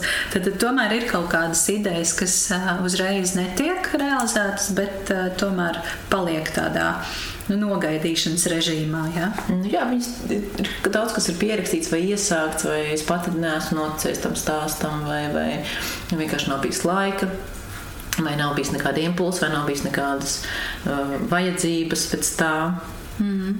Tas impulss ir. Uh, tā tomēr tā iedvesma kaut kāda, vai, vai tā vilkme, šis ir īstais, ko es gribu to šobrīd darīt un, un radīt. Tā ir tā interese. Man, man, man patīk darīt to, kas man pašai ir interesanti. Mm -hmm. un, un varbūt um, tā tā ideja ir, ir laba un, var, un tā, teiksim, tas stāsts un tā struktūra tam, nezinu, tam darbam ir, ir labs, bet man pašai mm, šobrīd nav interesanti to darīt. Man ir tā privilēģija izvēlēties, ka es varu izvēlēties darīt tās lietas, kas man tiešām interesē, kas man patīk un, un ko es gribu darīt. Līdz ar to, nu, diemžēl, vai es nezinu, varbūt kādreiz viņas tiks realizētas, bet pagaidām ir, ir dažas lietas nokļūtas malā un viņas netiek virzītas tālāk. Tas būtu savādāk, piemēram, ja man tik, kā varbūt ārzemēs noslēdz ar rakstniekiem līgumu, ka tev ir jāuzraksta piecas grāmatas. Nu, tad, protams, jāpriek uz attaisa savu mapīti, un tad vienkārši apsēžos, nu šī man ideja jāpabeidz, ir šis stāsts iesākts, viņš nekad nav pabeigts un tā. Mm. Jā. Kā ir ar jā, šī ideja tev radās? Un pēc tam tu to sāki pierakstīt, vai bija arī kāds izpētes posms plasmas huligāniem? Noteikti kaut kas bija, es tā domāju, un, un pagāma enciklopēdijā noteikti bija liels izpētes posms. Vai tu vāc kādus pieredzējumus, novērojumus, vai krāji savus pārdzīvojumus, vai lasi attiecīgo literatūru? Mm, cik daudz vispār par to domāji, pārdomāji, par to tēmu, par ko tu raksti? Atbilde ir jā, protams, ļoti daudz. Um, sākot no mm, ar to, ka es vācu tos novērojumus, ko es redzu kā, ikdienā. Reizēm, kā, kā, nezinu, kā cilvēks izskatās, kā viņš runā, vai, vai kā, kā izstāsta māja, vai, vai kāds ir žoks, vai kaut kādas tādas lietas. Tas pats maisiņš, kā viņš izskatās. Un, um, tādas lietas, tas tie tādi ikdienas novērojumi. Tad, um, plasmas huligāniem ceļš otrajai daļai bija sveicu. Tā informācija gan arī līdz manim pati atnāca caur, caur, caur dažādiem avotiem, bet es arī, es arī daudz iezinājos par, par tām dabas un vidas problēmām un par tiem risinājumiem. Un tie arī tādi jautājumi, varbūt, kāpēc esmu iedzinājusies, tāpēc, ka man pašai interesē, tāpēc, ka mēs paši piekopjam un cenšamies piekopt šo zaļo dzīvesveidu. Un, protams, arī pagāma encyklopēdijai bija milzīgs izpētes darbs katru tur dzīvnieku. Mēs pētījām un diskutējām ar dabas zinātņu redaktoru, cik kuram tur ir kājas un cik biezi spārni, un, un, un vai tas ir kukainis vai tas ir kustonis. Mm -hmm. Jā, es, es domāju, ka pagāma encyklopēdijai noteikti tur ir. Es, es tieši gribēju jautāt, kā, kā tapa, kur tu guvi šo informāciju par visiem uh, dzīvniekiem un, un kukaiņiem. Un vis, vis, visām dzīvām radībām, kas tur tika minētas grāmatā. Um, tās visas dzīvās radības ir tās, kas ir mūsu pagalmā tiešām bijušas. Tur, tur pie, pieturos pie tādas konsekventas lietas. Es neizdomāju neko citu, ko es nebiju redzējusi. Un, um, pēc tam, protams, tā, to, to, to visu pārējo es vācu gan internetu resursos, gan encyklopēdijās, gan, gan, gan sarunās, gan jautājot tam pašam dabaszinātņu redaktoram, gan nu, tā, tā kā tādu, jā, kā tā, tādas kriptiņas no, no visādām lietām kopā, kopā salē, saliktas. Tas, kas pašai man pašai bija interesanti uzzināt, kā tur īsti ir ar tām bizmārītēm, vai tur viņām tur gadu skaita vai neskaita, vai tas, ko man bērni pajautā. Un tad tās atbildes vienkārši meklējāt. Tā ir tāda informācijas vākšana. Nākamais jautājums, manuprāt, ir diezgan interesants, un tas ir par, eh, par zemapziņu. Ko darīja tava, tava zemapziņa, kad tu radīji? Eh, vai tu redzēji kaut ko sapņos eh, saistībā ar, ar saviem radītiem darbiem, vai varbūt darīja kaut ko citu un idejas visu laiku malās un domas malās par, par šo grāmatu paraksturo to brīdi? Es nezinu, ko darīja mana zemapziņa, tāpēc mēs visi zinām, ka mēs nezinām, kas notiek zemapziņā. Bet man arī šķiet interesanti tas, kā tās idejas, un domas un vārdi atnāk. Es esmu mēģinājis kā mm, saprast, bet savādāk vien kā jau sarunas sākumā tu brīnišķīgi minēji par tām laimīgajām nejaušībām. Tā, tā, tā viņš šķiet, ka mēs nevar, nezinām, kas ir zemapziņā. Tas, kas notiek, protams, naktīs un sapņos, ko mēs atceramies, tur ir vienkārši trakas lietas. Nezinu, no kurienes tur rodas. Varbūt tikai es guļu kā zāģers, bet eh, to izmantot, protams, eh, var tikai kaut kādos trilleros un pieaugušo grāmatās, ne bērnu. Bet, eh, jā, tas ir interesants jautājums. Es domāju, ka to droši vien kādam jāprasa psihoterapeitam, kurš tur no psihoanalītiķim, kurš analizē, kas notiek zemapziņā cilvēkam, kurš raksta, un kā tie vārdi rodas, kā rodas tā, tie, tie dialogi vai tās sarunas. Mm. Bet nav tā, ka nebija tā, vai nav tā, ja tu šobrīd ar kaut ko noteikti raksti, dari, ka tad, kad eh, te pārņem kaut kāda ideja, tad tu burtiski netiec no viņas vaļā. Ka viņa tā ideja un tie tēli un tās domas ap to visu ir visur. Tu esi ar, ar saviem, uh, savu ģimeni, un domā par, par grāmatas tēliem, varoņiem. Tu ej pa ielu un domā par varoņiem. Tu jau minēji šos, šos maisiņus, kas mm -hmm. ar tevi mhm. sarunājās. Sapnī kaut ko redzi, ieraugi pupuķi vai maisiņu mm -hmm. vai kādu no izdomātiem tēliem. Tas varbūt es neraksturo to, ka ir tik intensīvi, ka es nevaru no tā atrauties, bet jā, tie kaut kādā ziņā tie tie sižeti, ko esmu iesākusi, vai tās. Um, tā, tie, tie stāsti vai tās grāmatu ieceres, viņas dzīvo tādā paralēlā dzīvē visu laiku. Un, un tie, tas, protams, izklausīsies varbūt schizofrēniski, bet par tiem pašiem maisiņiem tās grāmatas ir pabeigtas jau divas, un es vairs neesmu iecerējis un turpināšu šos stāstus. Bet tik un tā katru reizi, kad es to maisiņu satiekos, tur vienkārši aiziet kaut kāds dialogs. Tur, nu, tas, ir, tas ir neizbēgami. Viņš kaut kur turpinās, labi, tas ir kā kurš, kurš, kurš, kurš, kurš, kurš, kurš, kurš, kurš nav laika, nav laika.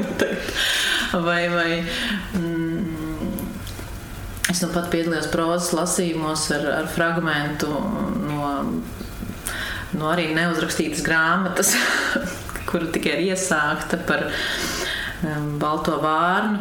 Nu, arī tās vārnas ar mani visu laiku runā, un viņas visu laiku man dzīvo apkārt, un, un, un, un noteikti, noteikti, noteikti tie dialogi. Bet, um, Bet jā, es neteiktu, ka tas ir tik intensīvi, ka tur, nezinu, tu, kā, tas ir kait, kaitinoši vai traucējoši. Vai, nē, bet tas vienkārši kaut kur visu laiku ir paralēli. Un, ja sevišķi ir kāds nepabeigts stāsts, tad, tad, tad, jā, tad tu pat meklē un ieklausies un, un mēģini sadzirdēt, ka, kas tur ir, kas tur, kas tur rodas. Mm. Mm. Ir daudz tādu nepabeigtu stāstu tev, kas tev varbūt traucē. Ir tāda traucējoša sajūta, domājot par nepabeigtību. Mm, nē, nē, man tā nav. Man liekas, ka visam, kas, tam visam jābūt tieši, tieši tā, kā tam ir jābūt. Ja tas nav pabeigts, varbūt tam nav lēmts būt pabeigtam, lai viņš tāds ir. Viņš varbūt kādreiz tiks pabeigts. Mm -hmm. mm, sliktāk ir tā sajūta, ka kādam ir apsolījis, protams, un nezinu, kaut kāda termiņa vai nezinu, pie, piešķirta, piemēram, radošā stipendija, un tev ir jāpabeidz. Tad ir ļoti slikta sajūta. tad ir tā, ka nu, tā, jūties tāds iesprostots eh, starp to, starp to ideju, starp to termiņu un starp to savu sajūtu, vai tu gribi pabeigt vai negribi pabeigt, bet tev ir jāpabeidz. Tad, tad varbūt ir tāda, tāda traucējoša sajūta. Bet, uh, Nē, man tie ir labi patīk, ir vis kaut kāds nepabeigts. Tad, zini, ka tu varēsi kādreiz atkal pieķerties.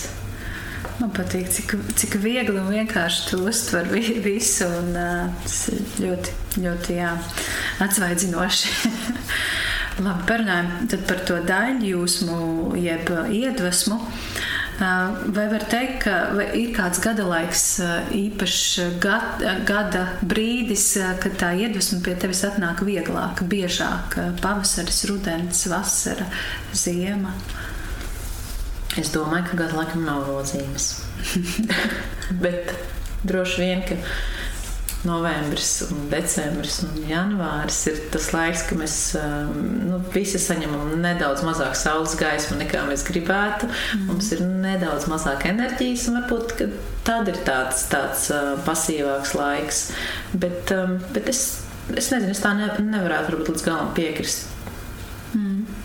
Bet, ā, kā ir ar ā, jau radītajām grāmatām, plasmas huligāna, divas daļas, ā, pagalma enciklopēdija un, un, šī te bilžu grāmata ar taviem tekstiem un skaistajām bildēm? Kāds ir nosaukums grāmatai? Mazo Latviju pirmie vārdi. Jā, jā. Ā, Ja tu atceries šīs grāmatas, kad tās radās, varbūt tomēr ir kāda kopsakarība vai, vai tomēr katra citā laikā? Nē, pagalmā encyklopēdija radās vasarā. Mm -hmm. Tiešām burtiski dzīvojoties ar bērniem ārā un vērojot to dzīvo dabu, mm, tā, tie, tie plasmas huligāni radās. Tad tajā pavasarī man šķiet, ka tas bija vai rudens. Nē, es domāju, ka, ka tam nav, nav tādas gada laika, tādas ietekmes. Mm. Es nepiekritīšu šai, šai Birgarta idejai par gadu laikiem. Nu, Bet, jā. lai gan varbūt kā kuram arī tas ir atkarīgs arī no tā dzīvesveida un, un par to, runājot par grāmatu lasīšanu. Tad man ir tā, gan man ir gada laika. Es, es zinu, ka, piemēram, visi lasa ruden, rudenī un ziemā. Tad es lasu vasarā, tāpēc ka rudenī un ziemā man nelasās. Mm. Man liekas, tas, tas tāds ikdienas ritējums ir tik saspringts, ka nav laika tam. Mm. Un vasarā ņemot vērā to, ka mans dzīvesveids ir tāds, ka mēs pavadām laiku ar bērniem, tad atkal sanāk vairāk laika. Bet vai tas ir tāpat uz rakstīšanu? Es nezinu, tāpēc, ka es jau uz to raugos kā uz tādu darbu, un es cenšos katru dienu kaut ko rakstīt. Tas ir savādāk. Mm -hmm. Svarīgi, tas, ko tu pateici, manuprāt, ir ļoti svarīgi, ka tu centies rakstīt katru dienu. Ir varbūt uh, vārdu skaits, vai, vai kas tev jāuzraksta, vai arī stundu skaits, ko, kas jāpavada pie datora. Mm. Nē, jābūt vienkārši tādā, ka man ir jāizdara šo te jāpieraksta vai viens teikums telefonā vai, vai datorā. Mm, Vienkārši tā kā, nu, tāds, tā kā tāds treniņš, kas ir kā izkustēšanās smadzeņu. Tu sevi neierobežo apjomā vai vārdu skaitā. Um, ja ir kaut kas, kas ir jāpabeidz, vai kaut kas, kas jāizdara līdz galam, protams, ka tad es, eh, tad es esmu tāda uzstājīgāka un prasīgāka pret sevi. Tad es, ja man ir trīs stundas, tad tās visas trīs stundas brīvas, tad es tās visas trīs stundas arī rakstu. vai, vai sēžu un domāju, nevis rakstu, vai es dzēšu. Bet, eh, ja nav nekāda uzstādījuma, tāda, tāda termiņa, kuros jā, jāiekļaujas vai kaut kas jāpabeidz, tad, tad, tad vienkārši es ļauju savu brīvu vaļu, kā, kā vēlos. Mm. Un Kā ar uh, dienas laiku, rīts, diena, vakars, uh, nakts, kad, kad tev patīk vairāk strādāt? Man patīk rīti. Ļoti patīk rīti. Vasarā pat man bija tāds ā, brīnišķīga tāda rutīna, ka es cēlos pirms, tad, kad arī bija māja mācība un visi bērni mājās. Es cēl- cēlos pirms bērniem, sešos, pirms sešiem, un, un, un tad es rakstīju līdz ceļās līdz deviņiem katru rītu. Mm. Es lasīju, rakstīju, nu, tāds, tāds, tāds. Um, Forši man patīk tie, bet tas ar arī saistīts tagad ziemā. To es nespēju realizēt, jo es pamostos ir tik tumšs, ka, ka man liekas, ka esmu kaut ko sajaukus, ka jāiet gulēt, ir nevis jāceļas. Jā, redz, ka tomēr tas gada laiks kaut kur parādās. Jā. Vasara un, un gaišie rīti, saule. Tas varētu būt tas, kas varbūt palīdz radīšanas procesā. Es domāju, ka jā, Labi. nedaudz. Nē, nedaudz. Bet, ja vajag, tad var rakstīt arī Jā, tum, tumšos vakaros vai naktīs, ja kaut kas jāpabeidz. Mm -hmm. Kādi apstākļi vispār atstāja iespaidu uz šo iedvesmu, uz, spēju rakstīt, ā, un kāpēc? Tīrs gaiss un brīva daba, saule, nu, pat ā, izrunājām mm -hmm. dzīvoklis, ā, pilsēta. Noslēgta vide vai, vai atvērta, vai jā, cik svarīgi vienkārši ir ārējiem apstākļiem. Pats galvenais ārējais apstākļs, kas man ir svarīgs, lai es esmu viena. Mm -hmm. Un tā ir mana milzīga ekstra, kur man ir ļoti reti tas jau vien tik iedvesmojoši. Vienalga, kurā gada laikā tas ir, vai, vai diennakts laikā.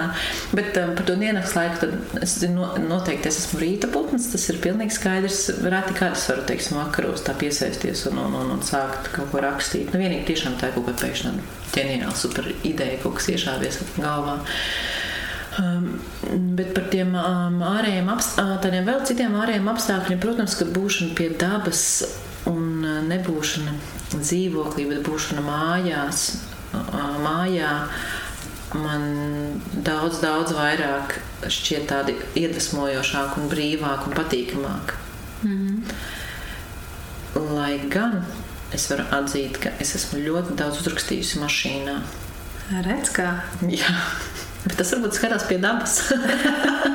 Tas ir atkarīgs no tā, kā mašīna stāv sastrēgumā. Nē, sastrēgumā, nē, sastrēgumā nē, parakstīt, tur drudžēni sanāk, bet, bet tiešām tas arī varbūt saistīts ar to ar to būšanu vienatnē, ka ir grūti reizēm atrast to mirkli, ka tu, ka tu esi viens, jo mājās varbūt kāds vienmēr ir, kāds skolnieks, tur vīrs vai, vai kāds cits ģimenes loceklis. Tad, tad tā mašīnā būšana kaut kādā ziņā tad, tad daudz reizes ir bijis tā, jā, ka es vienkārši apstājos, atgāžu to sēdekli tālāk, paņemu datoru un, un aiziet. Mm. Tas, es izbē, izbēgusi no, no mājas, un tad atradusi to vienatnes brīdi, kā tu teici, ka Jā. vienatne ir tas, kas tev iedvesmo visvairāk. Mm -hmm. un, un, un tā izēja ir mašīna. Jā, un vai ir vēl kādi īpatnēji apstākļi, kas veicina šo te, nu, rakstīšanu un iedvesmu, gaisma, lampas gaisma, vingrošana, gulēšana?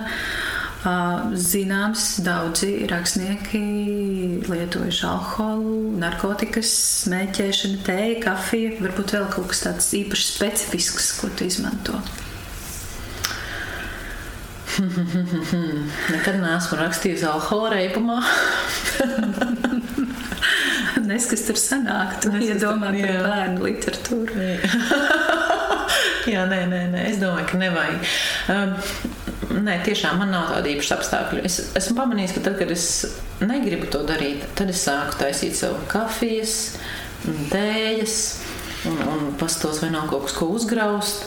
Tad, tad es tā jūtu, ah, nu tad patiesībā negribu. Tu vienkārši cent, centies sevi kaut kā iepriecināt un, un, un, un kā, to procesu kā padarīt foršu, bet patiesībā tu jau negribi. Tad, kad tu patiesi gribi kaut ko rakstīt, tad es kā minēju, es to varu darīt mašīnā, jo man nevajag neko, man nevajag pat noģērbties. Es vienkārši sēžu mašīnā ar cepuri un, un, un mēteli un vienkārši rakstu, bet, man ir šī mirklī atnāks kāda ideja vai kaut, kāds, kaut, kāda, kaut kāda frāze vai dialogs vai kaut kāda sajūta, ko gribu piefiksēt. Mm -hmm. Un tad tam nav nozīmes. Bet jau, protams, kad tu sāc sevi mocīt, ka kaut kas tev ir jāizdara, nezinu, vai jāiesniedz, vai jā, kaut kāds termiņš spiež, tad, protams, tu sāc sev mēģināt palīdzēt droši vien ar tējām, ar kafijām. Es nesmēķēju un, un, jā, un alkoholu nelietoju rakstot. tad, tad man liekas, ka nu, es saku, ka nē, nav vajadzīgi tādi īpaši apstākļi. Mm. Labi, tālāk Pētera Birkata anketā ir uzskait, uz, vairāku lietu uzskaitījums, un te man ir jāpajautā, cik liela nozīme tām ir tavā daļratīšanas procesā. Es varētu darīt tā, ka es nosaucu šo lietu parādību, -huh. un, un tu vari teikt vai nu jā vai nē. -huh. Ja tu saki nē, mēs ejam tālāk, ja tu saki jā, tad tev ir pakomentēt vairāk. -huh. ja?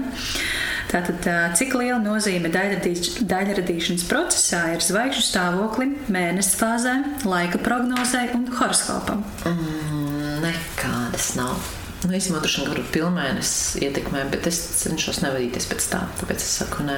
Mm, pilnmēnesis kā tāds, nu, tas, kas tad uzbudinājumu rada vai tādu satraukumu? Es domāju, ka viņš, viņš, ma, viņš maina tādu vispārēju tādu gaisotni gan, gan, gan cilvēkam, gan tajā vidē, kurā ģimenē, kur mēs esam vienmēr, jā, ir reizēm tāds jūti, oh, ir pilnmēnesis, tāds viss tādi palikuši tādi jūtīgāki, bet tā, es neesmu novērojis, ka tas ir kaut kā saistīts ar rakstīšanu arī. Mm.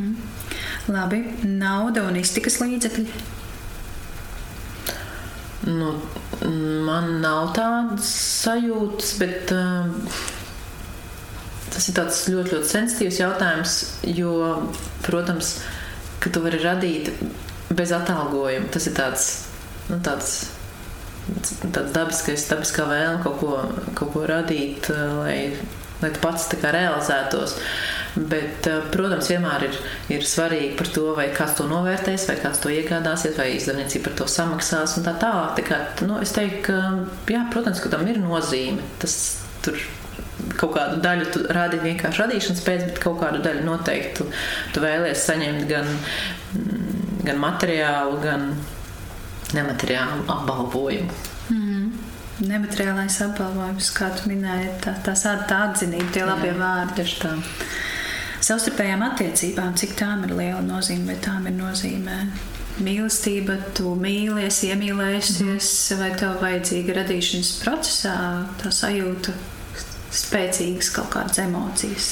Mm, man šķiet, jā, jo ir, tām attiecībām ir jābūt um, labām. Viņas varbūt nevis labām, bet visam ir jābūt kārtībā. Tādā ziņā man liekas, man, man šķiet, ka tām tev jābūt labai tādai atmosfērai un, un, un labai tādam labam fonam, lai um, tas nenodarbinātu tevi. Mm. Tajā virzienā savādāk. Tad, nu, tad, nē, nu, protams, lai gan tu varētu rakstīt par attiecībām, par kaut kādām krīzēm, laulībā vai, vai attiecībās ar bērniem. Mm. Bet tādai, nu, teiksim, tiem darbiem, ko es daru pašlaik, tiem, ko esmu uzrādījis, tur, tur tas attiecību fonds svarīgs, viņš ir mierīgs un vienkārši atbalstošs. Ģimenes locekļi, kā ir ar tiem? Tie ir vairāk tādi traucējoši, iedvesmojoši. Viennozīmīgi iedvesmojoši reizēm bieži traucējoši. Bet uh, es teiktu, vairāk, protams, iedvesmojoši, jo saviem bērniem es saku milzīgi, milzīgi paldies par to, ka viņi tomēr ir mani pastūmuši tajā rakstīšanas virzienā, ka viņi tā, tā, tā zi, zina, ziņkārība, zinātkāri, viņu, viņu jautājumi, viņu katra īpatnējā personība un tāpat arī visapkārt, viņu draugi, viņu intereses. Tas viss ir tas, kas man iedvesmo un liek uzdot jautājumus, liek meklēt atbildes.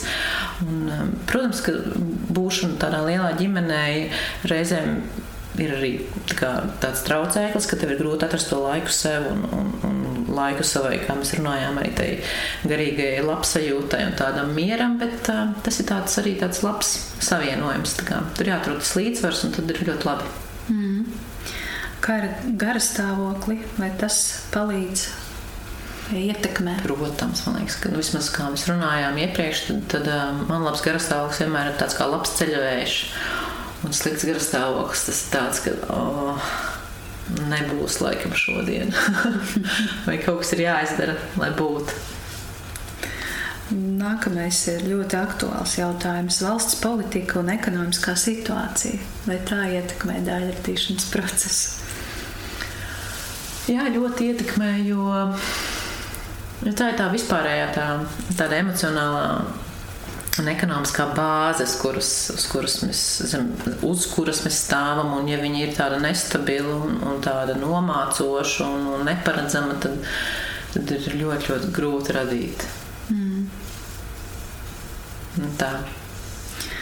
Klusums, troksnis, kas, kas tā vairāk tuvāk, tuvāks? Man klusums. Un tālāk ir uzreiz jautājums par mūziku. Vai tu klausies mūziku? Nē. Es ļoti daudz klausos mūziku, bet nekad rakstu. Nekad. Mm. Ja kaut kādā ziņā uh, mūzika ļoti, ļoti spēja mani ietekmēt, un uh, tā kā es nevaru paredzēt, kā viņi man ietekmē. Es nevaru paredzēt to rakstīšanas procesu. Līdz to man, man svarīgi tāda tā, tīra telpa, bez skaņām, bez trokšņiem, bez tādiem nekādiem citiem kairinājumiem. Tā kā nekas, nekas, es pat izslēdzu telefonu. Un uh, noņemu Wi-Fi savam mm. datoram, lai, kā, nu, lai, lai, lai nerausta trokšņa skaņas un visādi impulsi. Mm. Pilnībā ienirsti tajā daļu radīšanā. Dzimtā puse, cik tā ir liela nozīme? Tu iedomājies aizbrauc, aizbrauc kaut kur, kur tu esi pavadījis bērnību, vai tā mhm. varētu ietekmēt daļu radīšanu un radīšanu? Mm, nezinu, nesmu mēģinājusi.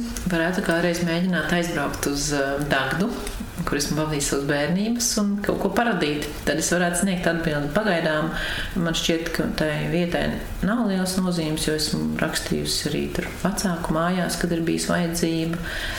Un, un, un esmu rakstījusi visu kaut kur tā, tā, tā tieši. Bet es pieļauju domu, ka varbūt tas ir tas saviņojums, kas nāk līdzi, atgriežoties kaut kur, varbūt arī spēja kā, jā, kaut ko kā, iedvesmot, uzradīt. Mm. Bet es neesmu pagaidām novērojis tā. Būs jā, jāpamēģina, jā, varbūt kādreiz tā. draugi, paziņas, varbūt ir kādi draugi, kas arī raksta. Un, tad, vai paziņas, mhm. -huh. tad tas tev arī iedvesmo tālāk, pieķerties vai turpināt, vai meklēt kādu ideju. Jā, man, man, man iedvesmo gan um, lasītājs, gan arī tas, ka es esmu paklausījusies, kā cilvēki dalās par um, savu rakstīšanas procesu.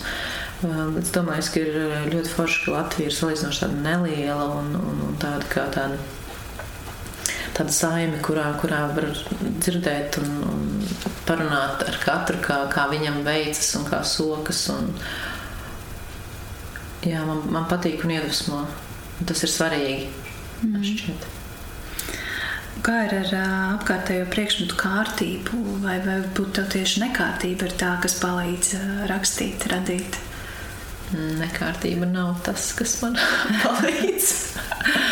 man tomēr ir svarīgi, um, ka apkārt ir um, tāda sakārtot. Viņai nav jābūt perfektai kārtībai un nav jābūt pedantiskai kārtībai, bet man, man, man ir vajadzīga tāda Tā kā mēs runājām par, to, par tām skaņām, kad ir tāds mm, tīra, tīra akustiska vide, tāpat ir, man ir vajadzīga arī tāda tīra tā vide, kurā radīt nu, tā, lai nekas netraucē. Mm. Nelīp trupačs pie alkoņiem un, un, un nelīp pēdas pie grīdas.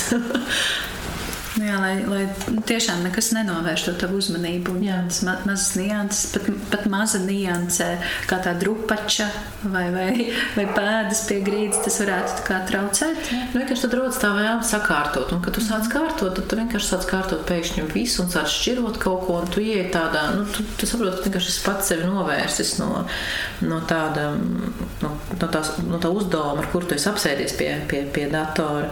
Un, protams, ka ir bijuši brīži, kad esmu nošķūrējis noturējusi burtiski ar roku galdu, uzlikusi datoru un, un spējusi abstrahēties no tā, kas ir apkārt. Bet, bet tāds optimāls, tas, ko es, kā, kā es vēlos, ir, lai ir tā, tā, tiešām tā vidas kārtība, kurā es pēc tam varu tā, kā, tā, tā, tā skaisti radīt. Mm -hmm. Kā ar veselību? Vai tā, vai tā ietekmē? Mm, protams, manuprāt, tas ir tāds pirmais stūrakmens. Ja jābūt labai. Mm. Jo ir rakstnieki, kas jā, spējuši radīt tādā, tādā pusguļu stāvoklī, esot slimības gultas. Un, uh... es, es tieši nesen klausījos um, par Zentu Mauriņu, Spotify brīnišķīgi um, Vairas Vīķis Freibergs lasījumu man tas liekas neticami. Mm. Nu, tas, tas ir kaut kas tik neticams un, un, un ārkārtīgi iedvesmojošs, un kas liek apjaust. To, to, to kas, kas, kas man ir dots, un cik esmu par to pateicīga. Tā kā, jā, viennozīmīgi, droši vien, kad ir dažādi tie situācijas apstākļi, bet uh, es pagaidām saku, ka man, nē, man lūdzu, lūdzu veselību. jā. Tautas tradīcijas un folklora, vai tā ir kāda ietekme tavā tavā, radī, tavā iedvesmā? Um, jā, man, ir, man ļoti, ļoti aizkustina un, un, un patīk sajust to savas um, tādu, tādu sakņu kultūras mantojumu. Ļoti, ļoti, man pat, ļoti patīk Jāņa. Man tie liekas brīnišķīgi svētki, kopš mēs esam viņu sākuši svinēt. Tā kā viņas vienmēr kā, vēsturiski ir svinēti ar, ar, ar, ar um, dziesmām, ar tēpiem, ar tradīcijām, ar, ar rituāliem, tad tam ir pilnīgi cita nozīme. Un, Un tas sakustina, manuprāt, arī to visu tādu vēsturisko, kas, kas mums ir iekšā, tāds, ko mēs nezinām, mm. mūsu piedarību. Jā. Tu minēji, ka tev patīk lasīt, un tu iedvesmojies arī lasot citu autoru darbus. Tieši jautājums par to, vai, vai tas iedvesmo, varbūt tu vari minēt kādu citu autoru vai darbu, kas tev ir iedvesmojis īpaši, kas tev tā palicis prātā? Mm -hmm. Tas ir labs jautājums, bet, lai paskaidrotu, ko nozīmē iedvesmoties no mm. citu autoru mm, darba, tas, tas ir. Es domāju, ka es vairāk iedvesmojos nevis mm, tādai rakstīšanai, bet personības izaugsmai. Kas, protams, pēc tam atspoguļos arī, arī rakstīšanā, bet um, grāmatās es meklēju jaunas domas, atziņas, tādu kā, kā izaugsmi. Kaut ko tādu, ko es, par ko es neesmu domājusi, kas, kas, kas man ir kaut kāds jauns un pārsteidzošs. Līdz to, teiksim, manā um, literatūras plauktā ir mazāk pēdējā laikā tādu varbūt romānu un, un sadzīvisku drāmu. Bet um, tā varbūt tāds. Tāda ļoti, ļoti interesanta grāmata, ko es šovasar izlasīju, bija Kārina Bliks, Bliks, Blikstena. Jā es atvainojos, varbūt aizmirstu, no Āfrikas dziļumiem. Mm -hmm. Jā, Blikstena, jā, Kārina Blikstena no Āfrikas dziļumiem.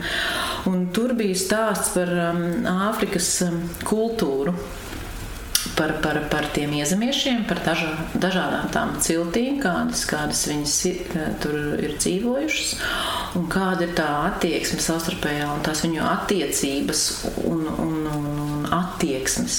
Un tas bija tik iedvesmojoši, jo mēs esam pieraduši tik vienādi rēģēt vienādās situācijās. Līdzīgās situācijās ir vienāda reakcija. Tu izlasi, teiksim, tur tāds skaists apraksts bija par vilšanos, un ka, ka tās vecās iezemiešu sievietes pie vilšanās sākuši smieties. Ir. Un tas man tik spilgti iespējams atmiņā, jo mēs, kā, mēs, mēs viļamies raudot, vai saskumstot, vai paliekot nīgri, bet viņa smējas par šo likteņa ironiju.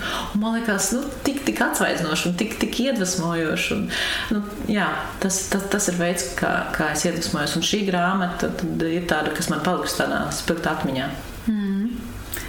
Es jā, atcerējos, nu pat, ne nu pat, bet nu, pirms kāda mēneša, laikam, zvaigznes izdeva šo grāmatu sievietes, par kurām es domāju, naktīs. Un viena no tām bija arī. Es biju pārsteigta, jā. Es tiešām, es to biju dzirdējis, neatceros kādā sarunā, bet es dzirdēju, jā, ka, ka viņa arī ir iekļauta vienā no tām uh, ievērojamām, jā. iedvesmojošajām sievietēm. Mm. Tas man likās tā ļoti, ļoti interesanti. Man ir reizes, ka sagribējis izlasīt jā, šo. šo šo grāmatu. Mm. Es domāju, ka tā ir ļoti laba grāmata tādai iedvesmai un, un ne tikai būt sievietē, bet arī radīt un, un meklēt kaut kādu savu ceļu. Ļoti mm -hmm. iesaku.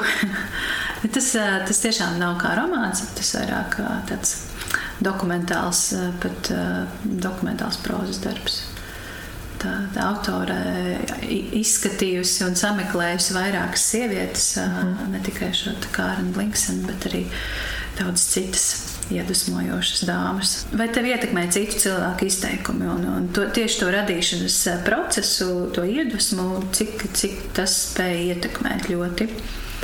Ļoti. ļoti, ļoti man ietekmē. Es esmu vārdu cilvēks. es esmu, kā arī, arī teicu, man ļoti, ļoti svarīgs ir gan tas tas, tas, um, tas nemateriālais apbalvojums, kas ir tās atsauksmes, kas ir, um, kas ir recenzijas, kas ir uh, redaktoru komentāri. Un, un ja viņi ir slikti vai dzēlīgi vai tādi, vai, vai kā, nu tad, tad man, man, man ir švaki. Jo, ņemot vērā to, ka man ir tās emocionalitāte, tad labi vārdi vai nu man spēja uzlidināt gaisā vai kā nopļaut. Mm. Un, tāpēc um, es, protams, ar to es mācos, es zinu visu, kā, kā, kā ir ar kritiku, un, un, kā, ir. Un es esmu saņēmusi brīnišķīgu, saturīgu kritiku, no kuras esmu mācījusies. Es esmu saņēmusi arī teiksim, tādu nepamatotu kritiku, kur atkal es vienkārši nevaru izdzēst no galvas. Viņa vienkārši man stāv, viņa man tur tinās kā tāds magnetofons, lai gan es, protams, zinu, ka ir jāspēj šķirot un, un paturēt sev to labāko, bet mēs visi esam cilvēki. Mm. Jā, jā tie, tie vārdi reizēm aizsver. Galvenais, ka tie sliktie vārdi bieži vien aizķers mūsos ilgāk nekā tas labais. Tas ir tas ir droši vien visvairāk traucē. jā, ļoti traucē. Mm. Vismaz man. Jā, man šķiet, ka mēs daudz ko jau esam no tālāk minētajiem faktoriem min minējuši un izrunājuši. Piedzīvotajiem bērnībā, cik liela nozīme tam ir dzīvniekiem. Tu minēji pupuķi, kas uzlaižas uz, mm -hmm. uz mhm. palodzes, un, un to, to, to var vērot un tad iedvesmoties no tā gada laikiem. Tu teici, ka gada laiki tev īpaši neietekmē vientulībai tu, tu minēji, mm. ka vienatne un, un, un bet vientulība tas ir to, tomēr kaut kas cits. Jā, ne? es gribēju teikt, ka vientulībā ar būšanu vienatnē ir, mm -hmm. ir ārkārtīgi diametrāli pretējas tās nozīmes, jo, mm -hmm. jo es, es spēju izbaudīt būšanu vienatnē tikai tā iemesla dēļ, ka es nepārtraukti dzīvoju tajā ārkārtīgi foršajā un enerģiskajā bardakā, kas ir, ko sniedz trīs bērni, vecāki. Nu, tas ir tāds, tā ir tāda savstarpēji ļoti, ļoti forša enerģija, no kuras, kad tu nonāc vienatnē, viņi, tik, viņi varbūt vēl iedarbojas vēl tieši tad, kad tas nonāc vienatnē. Nu, vientulība ir pilnīgi cit, cit, cit, Jā. cits temats. Un, un es noteikti neesmu tas cilvēks, kurš, kurš spēja ilgstoši būt viens. Mm. Ceļojumi Droši vien visi mēs augstam ceļiem. Labāk nerunās. Bet eh, cik tiem ir eh, liela nozīme? Vai, vai ceļošana kā tā vieta iedvesmo? Mm, tik sen jau nav nekur ceļots, ka ne, ne, nezinu. Man ļoti patīk ceļot, un es, man liekas, ka tā ir, tā ir, tā ir brīnišķīga, brīnišķīga pasaules un sevis izzināšana. Uh, vai tā ir kaut kāda ietekme uz, uz, uz manu konkrētu rakstīšanu? Es, es domāju, ka pagaidām man liekas, ka nē. Es zinu, ka ir brīnišķīgas ceļojuma grāmatas, tāpat no Āfrikas ceļojumiem, ko es minēju savā ziņā, ceļojuma grāmata. Bet, bet es neesmu tādu rakstījis, tāpēc man grūti pateikt, varbūt jā, man būtu jāuzraksta. Tam būtu nozīme ceļojumiem, bet pagaidām tas viss paliek man iekšā, man, man, man pašai. Mm -hmm. Kā ar to pašu iedvesmas mirkli? Tas ir tāds kaut kas negaidīts, kā uzplaiksnējums, vai tomēr tu iepriekš jau jūti, tūlīt kaut kas notiks, nu, tuvojas tā iedvesma. Es domāju, ka tas ir tāds kā uzplaiksnījums drīzāk, nevis tāds, kā, jā, es, es, es negaidu. Bet, protams, ka tu zini, kādos mirkļos tas var atnākt Tas var atnākt tad, kad tu jūties, runājām iepriekš, tāds uh, pacelāts, skaidrs un, un, un paēdis gan fiziski, gan garīgi. Mm -hmm. Tu esi arī atbildējusi uz nākamo jautājumu, vai tu kaut kā īpaši rūpējies, lai veicinātu šo iedvesmu. Jā, Jā nu, manuprāt, tas, tas par ko mēs runājam sākumā, mm. kad ir jā, jā, vienkārši jārūpējas par savu, savu labsajūtu. Bet tu vari raksturot, cik, cik ilgs ir apmēram šis iedvesmas mirklis. Tas ir ilgst minūtes, stundas, varbūt tas nedēļas, varbūt mēnesis. Tu vari tā dzīvot šajā darbā un rakstīt un rakstīt un rakstīt un, un būt miera, nu, tādā harmonijā ar to visu. Mm, es domāju, ka ļoti dažādi ir bijis tā, kad ir bijis tāda tā, pāris minūtes kaut kāds uzplaiksnījums un radies kaut kāds teikums vai atziņa vai, vai, vai četrinda. Un tad pašā laikā, kad es rakstīju pagalmu enciklopēdiju, man pilnīgi bija tik patīkami, ka, ka man viņa tur ir. Tas tā kā es zināju, es apsēdīšos, es varēšu uzrakstīt vēl vienu to, to zvēru, to, to, to dzīvo radību. Es pilnīgi atceros to sajūtu, kā apsēdies, uzrakstīt oh, jā, tagad man būs saruna ar Pāveri. Nu, tā kā pilnīgi tā kā jūtu, tagad, tagad kaut kas notiks. Nu, jo tas, tas koncepts man bija tik skaidrs un, acīm redzot, tik kaut kur eh, iekšēji zemapziņā, kā mēs varam, ka ziņa varbūt jau tāds nobriedis, ka man nebija tādu, tādu, tādu garīgo radīšanas moku Man bija tiešām ļoti liels tāds tā iedvesmas un pacelājums, un to ņemot vērā to, ka es viņus rakstīju vairākus mēnešus. Tad es varu teikt, ka visus tos mēnešus man vienkārši bija tāds foršs, radošs pacelājums, jo, jo man bija tie stāsti, kuri man bija jāuzraksta, un es mēram zināju, cik daudz viņas gribu uzrakstīt, un tad es vienkārši viņiem ķēros klāt. Mm foršs, radošs pat, pacelājums. Tas, tas, tas ir tāds vieglums, kaut kas ļoti patīkams, vai, vai pilnīgi tāda jau laimes sajūta, kā, kā to varētu raksturot. Man tā ir laimes sajūta viennozīmīgi. Nu, tas ir. Es to varu salīdzināt, kā, kad nezinu, tu izcepsi kūku, vai tu esi kaut ko uzgleznojis skaistu, vai kaut ko uzradījis. Tiešām, ka tu jūti tādu, um, tādu laimi no tā, kas, kas ir tapis. Tas, protams, ir subjektīvi. Varbūt tas nav nekas skaists, ko tu tur uzrakstījis, bet tā iekšēji tā sajūta nu, ir kaut kāda tāda nemaldi. Nu, tā, tev nemaldi liekas, ka tas ir kaut kas skaists, ko tu esi uzrakstījis. Tad ir tiešām tāda, tāda forša laimes sajūta. Tik ļoti gribas padalīties, tā kā izsūtīt visiem, lai visi skatās.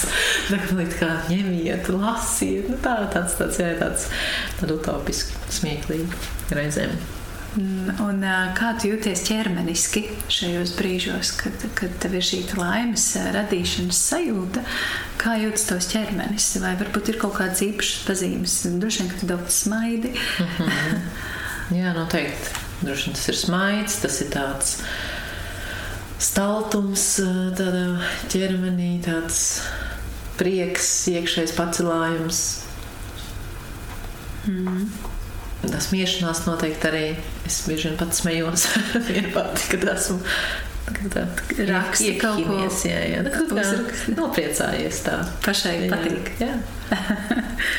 Tas ir jauki. Tas noteikti nav malas tā. Nu, man bērni ļoti, ļoti smējās par šo. Jo, jo viņi tagad ir palikuši lielāki. Viņi reizēm piedalās tā, tā kā šādi tādi blakus. Un tad viņai ir tā kā, oh, māma atkal tur lasa. Es tā kā rakstu un es arī lasu uzreiz skaļi, lai nu, tā ir vieglāk. Mm. Un tas, un tad, tad, jā, tad, tad vienmēr iehihina, kad kaut ko. Un, kā, kā strādā fantāzija tieši tajā brīdī, kad tu raksti, kā strādā tavas domas, kas notiek tavā galvā, un kā tas atšķiras no brīžiem, kad tu neraksti, kad nav šī iedvesmas mirkļa. Mm -hmm. Sarežģīti?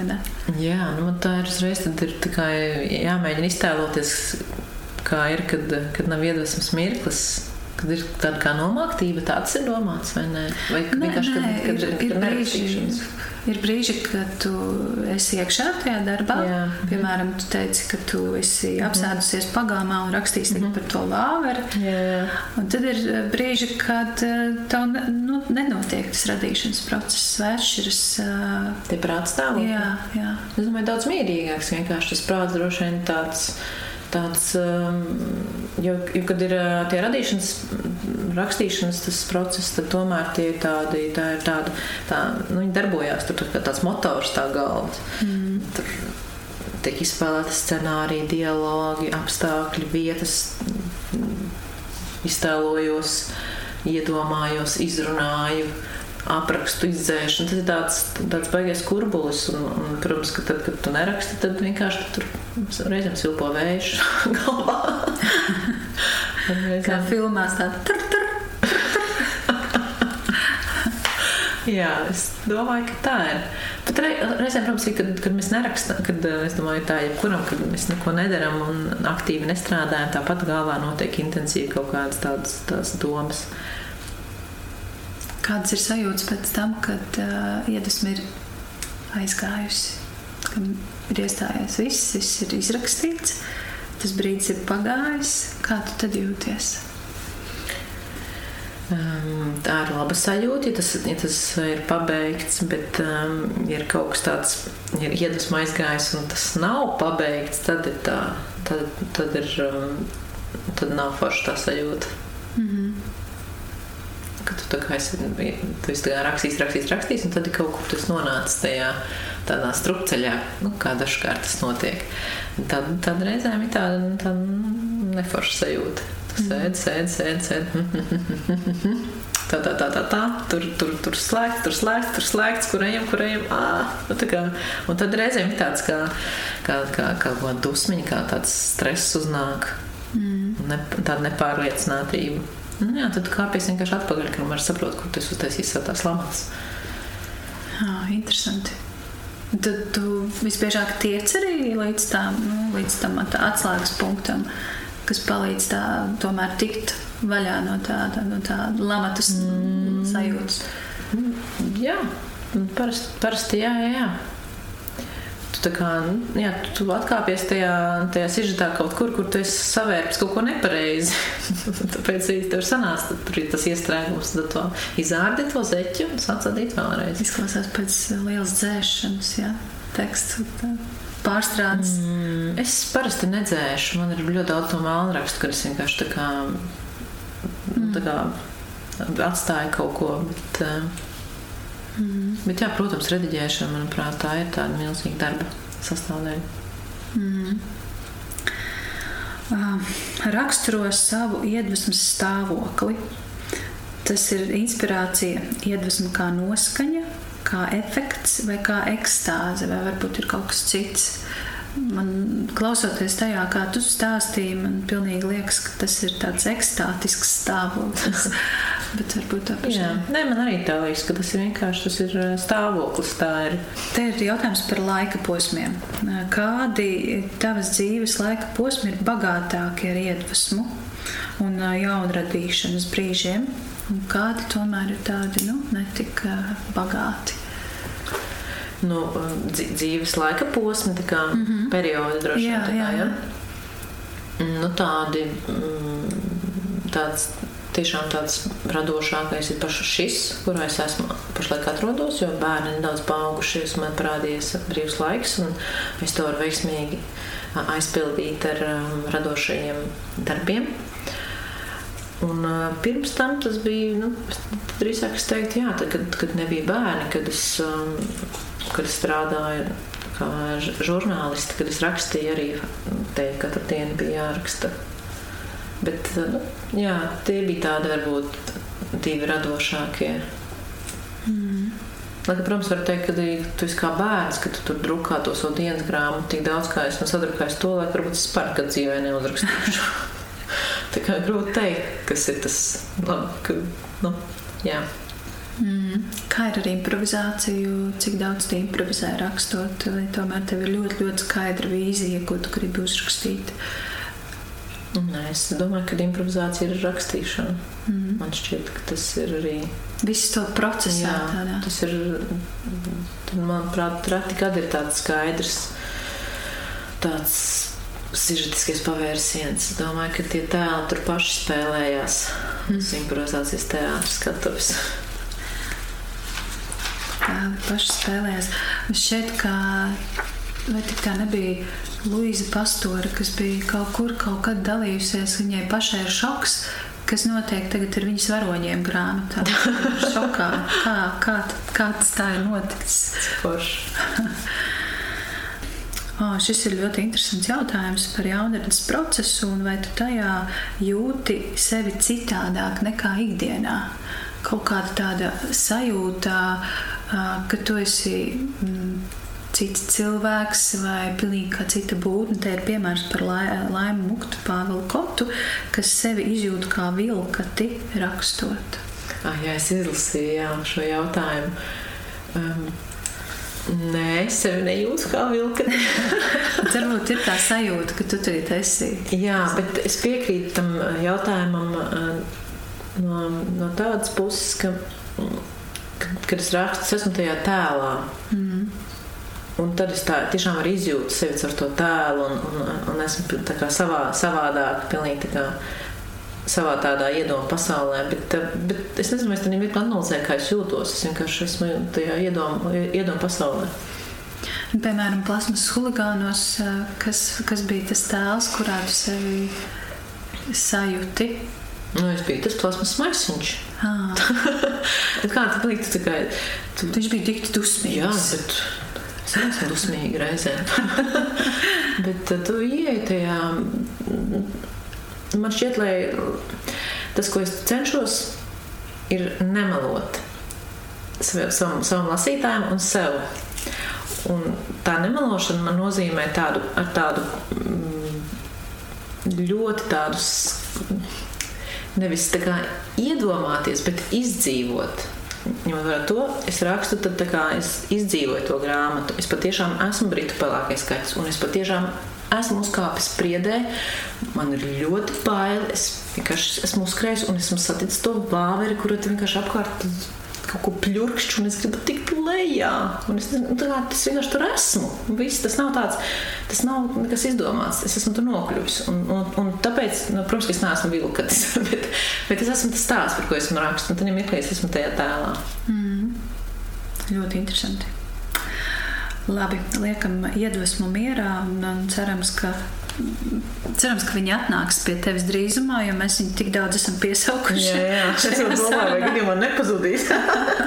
Būs viss izrunāts. Cerams, ka būsim piebaidījuši, nevis aizbaidījuši. Jā. Mākslas darba izstrādāšana. Tu minēji, ka rediģēšana ir tas pats grūtākais, laikietilpīgākais process.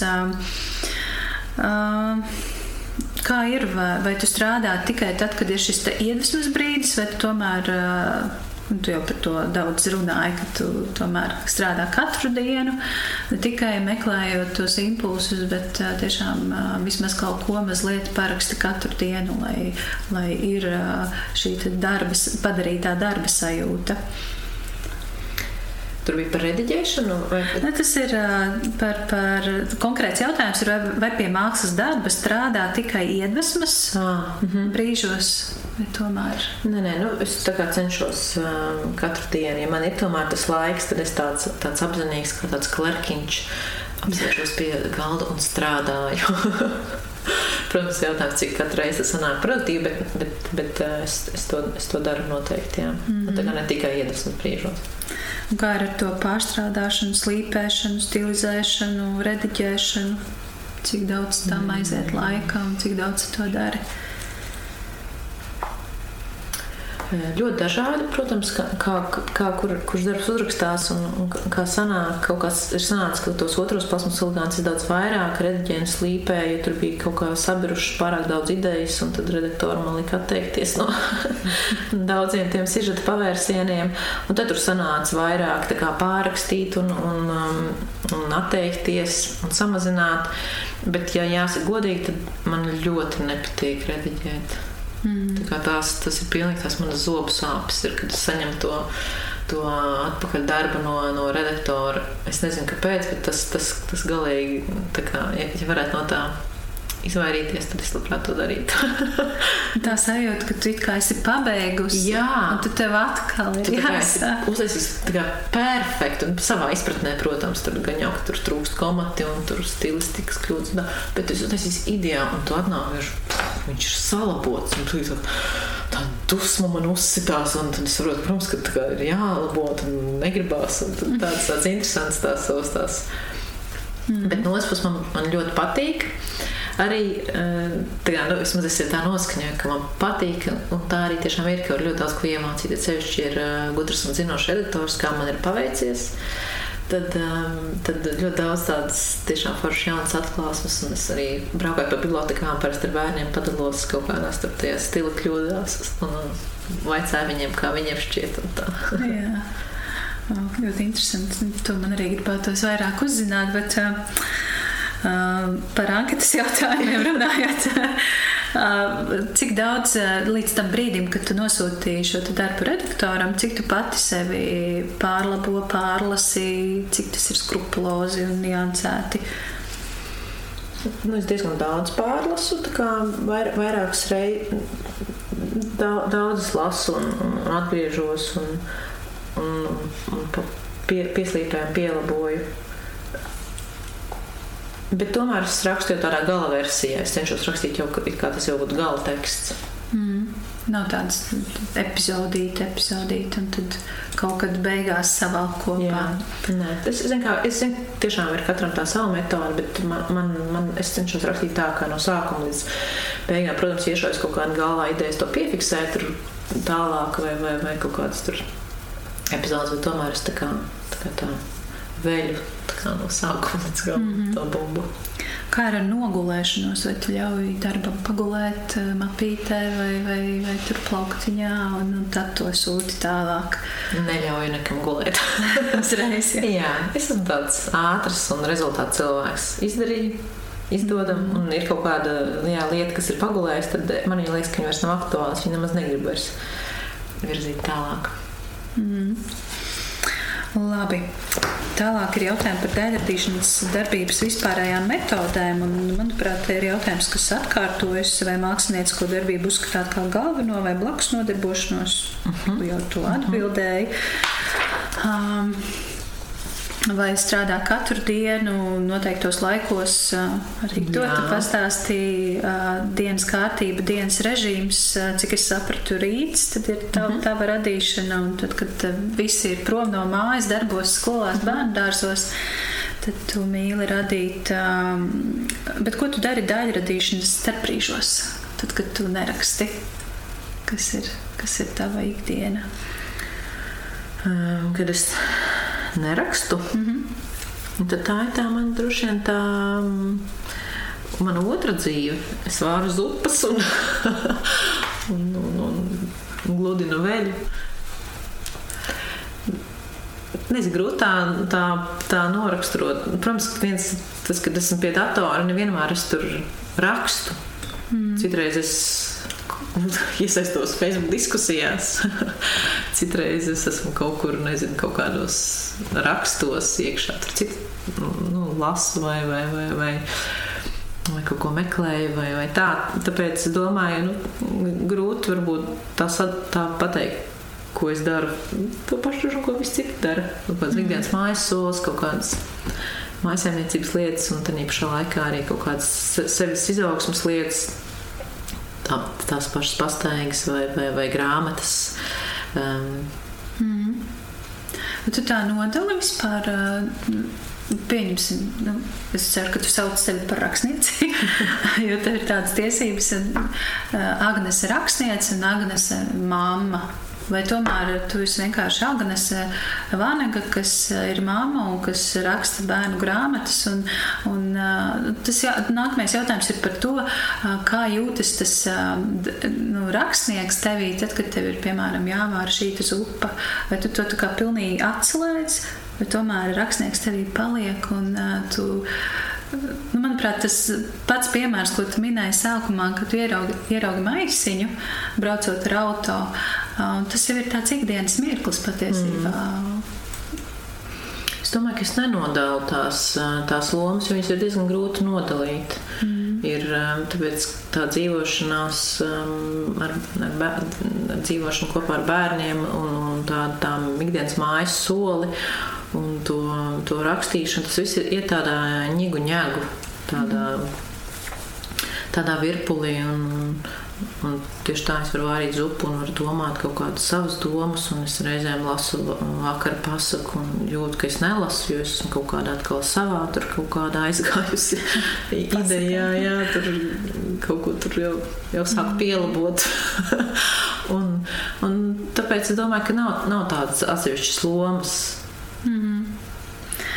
Tomēr Kas ir tas, kas varbūt eh, traucē radīt? Varbūt ir kāds apstākļus vai, vai kaut kas, kas traucē trokšņi, mm, kaut kāda netīrība vai kaut kas, kas var novērst uzmanību. Tu jau to minēji. Man liekas, ka visvairāk traucēja tā, mm, tā mm, labsajūta, ja nav. Mm. Ja, ja ir tiešām kaut kāda nomāktība vai, vai, vai ir um, kaut kāda pārdzīvojuma, tādi, es teiktu, neracionāli. Emocionāli tie ir um, tie, kas vis, um, tie, tie, tie, ar kuriem visvairāk traucē, jo nu, viņi pilnībā novērš domas no kaut kādas jaunradas. Tad, tad tas iet tādā destruktīvā emocija virpulī, mm. no kur ir grūti izkāpt. Un tad, tad, protams, ir tie soļi, ko mēs minējām, kā, kā es kā, kā cenšos izkāpt. Mm. Vienmēr sanāk, kādreiz ir normāli iegriež, un tad staigāja tāda pikta un dusmīga vairākas dienas, neko nerakstu. Jā. Tā. Tu minēji, ka tu pieraksti idejas telefonā vai uzreiz datorā. Mm -hmm. Kā ir ar personificēšanu, šo lietu personificēšanu? Zinu, ka ir, piemēram, mūziķiem ir ģitāra nosaukta ar kaut kādā mm. īpašā vārdā. Varbūt tā datoram arī ir kāds mīļvārds. Nē, nav. Vārds padomāt. Jā, nē, es, man ļoti patīk personificēt lietas tādā ziņā, ka man patīk iedomāt, nu, kā, es vispār kā jūtu viņas kā dzīves un, un tādas, bet man vārdu došana neiet pie sirds. Mm. kā. Tas, kā ir grāmatās, nu, tad, kad tu raksti savus tekstus, tas arī ir apgrūtinoši izdomāt vārdus. vārdus? Jā, tēliem. Kā kuram reizēm atnāk ļoti, ļoti ātri. Un, un tas pats um, dusmīgais maisiņš, dusmu kule bija tāds pilnīgi, tā kā viņš atnāca, bet jā, kaut kāds vārds ir grūtāk. Man ļoti bija grūti izdomāt um, puišu mammai vārdu. Mm -hmm. Kas ir aiga, bet uh, tagad viņš man liekas tā ļoti labi tur ies, iesaidies kopā ar tēti Sergeju. Viņa tur tādu mm -hmm. labs pārīts sanācis. Jā. Vaļasprieki, varbūt ir kāds vaļasprieks, ar ko tu vēl nodarbojies bez, bez radošā, ārpus radošā procesa. Man ļoti daudz vaļasprieku ir. Nē, man tiešām liekas, ka kā man vienkārši pietrūkst laika visam tam, ko es vēlos. Es spēlēju ukuleli, es spēlēju volejbolu, mm, es nodarbojos ar jogu, man patīk iet pastaigās, man patīk lasīt, man patīk peldēt. Man gribas atsākt dziedāt, man patīk ziemā braukt ar slēpēm. Nu, tāds, ka man liekas, ka dodiet, iedodiet man tikai kaut kādu mazu kaut laika šķirbiņu, es viņu piepildīšu. Tā kā vispār nav nekāda problēma. mm. Tu minēji par šiem varoņu vārdiem, bet kā ir ar darba nosaukumiem un, un darba pirmo rindiņu? Cik, cik liela tā ir nozīme? Ļoti liela nozīme ir. Un, um, darba nosaukums um, man, man šķiet tāds. Um, ja, ja ir grūti izdomāt darbam nosaukumu, man liekas, tas nav labs darbs. Oh. Kaut kādā ziņā liekas, jo tam vēstījumam ir jābūt tādam, tādam ļoti, ļoti um, tādam spēcīgam. Vismaz tāda man bija tā sajūta, kad es strādāju par žurnālistu. Tā, ja, rakst, ja rakstam nav nosaukuma, tad raksts ir ne par ko. Hmm. Bet protams, ar grāmatām es tā kā. Es, eh, nu, plasmas huligāni bija ļoti, ļoti ātri atnācis. Viņš sākumā bija kā plasmas nezvēri, bet eh, pēc tam, kad eh, grāmata rakstījās tālāk, tad viņi tapa par huligāniem. Jau skaidrs, ka viņi nav nezvēri. Tas tāds tā ļauni varbūt, un tā viņi patiesībā bija tādi huligāniņi. Un, un, un, Un tad, jā, bet pagalmā encyklopēdijas tur tā ilgi, ilgi muļāja tur to nosaukumu. Viņš man, viņš man uzreiz bija atnācis, bet es ilgi šaubījos. Un, nu, iespējams, tādēļ arī kādēļ bija tās diskusijas, ka tā nav encyklopēdija, ka tas ir tā, tāda ironija. Un, un vai bērni mm. saprot ironiju, vai, vai pieaugušie saprot ironiju, vai tā kā, tādu humoru. Tāpēc tur tā, es tā kā šaubījos, bet mm. tagad man ir ļoti labi izveidojis tāds plasmasas, ne, pagalmā huligāni. Un plasmasas encyklopēdija man ir. Es ātri runāju, es saprotu, savos, savos nosaukumos, man bija plasmasas huligāni, nebija vairs. Jā. Vai tu piekrīti apgalvojumam, ka nu, te ir izmantots vārds dzinieks, bet es teikšu, rakstnieks ir tāds kā neirotiķis, ka viņš ir jutīgāks, atvērtāks, nervozāks, ar augstu sāpju slieksni. Ja jā, kāpēc? Kāpēc tev tā liekas? Vai tu tam piekrīti? Es domāju, ka jā, es tam piekrītu, tāpēc, ka vienkārši mēs ir jābūt tā, tāpēc, kad prasa to, nu, tā jūtība ir svarīga lai, lai spētu uztvert un lai spētu sajust, kas notiek, un, un piefiksēt un, un attīstīt tās savas izjūtas. Jā. Mm -hmm. Kas tev ir svarīgāks jaunradas procesā? Tas process vai rezultāts? Rezultāts. Man tā šķiet. Mm. Process arī, protams, ir ļoti, ļoti foršs un baudāms. Un, un uh, patīkams. Bet uh, es esmu rezultātu cilvēks. Man patīk, ka ir, ka ir izdarīts, ka ir pabeigts, ka ir, ka ir, ir, kad ir grāmatas saņemta rokās. Nu, tā tik ir sajūta. Tur neviens process nevar līdzstāvēt tai sajūtai, ka tu vienkārši paņem tādu izdomātu, izlūkotu, uzrakstītu, un tad vēl ilustrā, ilustrators ir uzzīmējis viņu. Tas ir, tas ir, tas ir tāds tāds, mm. tāds brīnišķīgs sajūta. Mm. Es ticu, jā. Droši vien atsevišķs jautājums ir par sadarbību ar ilustrātoru. Tas man, tas man arī ļoti interesē. Bet kā ir ar raksturu? Un varbūt ir kāda īpašība, kas tev traucē rakstīt, un kaut kas, kas ļoti, ļoti palīdz tieši rakstīt. Rakstura? Rakstura? Mm -hmm. jā, man, jā. Mana rakstura? Jā. Man varbūt traucē tas, ka es esmu tāda ļoti, ļoti ātra, un man tiešām patīk to, to ātrā rezultātu redzēt, un, un man patīk tā, tāds nu, virzīties virzīties ātri, un uz to rodas varbūt tāda, tā, pašai tā sajūta, ka, ka nezinu, vai es varēšu kādreiz kādu tādu, nu, tādu, tādu kreptīgu romānu uzrakstīt, jo, jo man, man patīk tas tāds, tāds, tas, tas tā, tādi īsie tādi sprinti. Mm, tas, tas, tas liekas, ka tas varētu kā traucēt un, un, un reizēm arī kaut kad arī tos rakstu darbos, kad varbūt vajag tādu tādu lielāku pacietību vai, vai lielāku izpēti vai tādu iedziļināšanos, tad, tad es arī jūtu, ka es sagurstu, man noplūk tā, tā iedvesma daudz ātrāk nekā, ja, ja, ja tas viss sokas tā raiti. Un no tāda.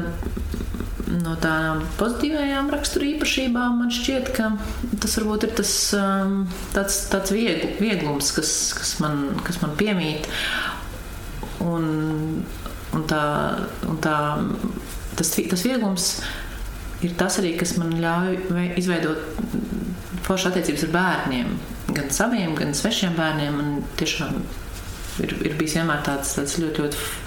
Tāds, vienmēr izjūtas atrast kontaktu, un, un man pašai ir vienmēr paticis spēlēties, un darboties un, un, un būt ar bērniem un jauniešiem. Un arī tagad, braukājot pa bibliotekām un skolām, es ļoti, ļoti kā, jūtos uzlādēts, satiekot tādu grupiņu ar ceturklasniekiem vai, vai, vai kā. Un, un tas, manuprāt, arī man, ir tā priekšrocība, kas man ļauj viņiem arī panākt mm, tuvāk caur to grāmatu, jo es viņus labi jūtu.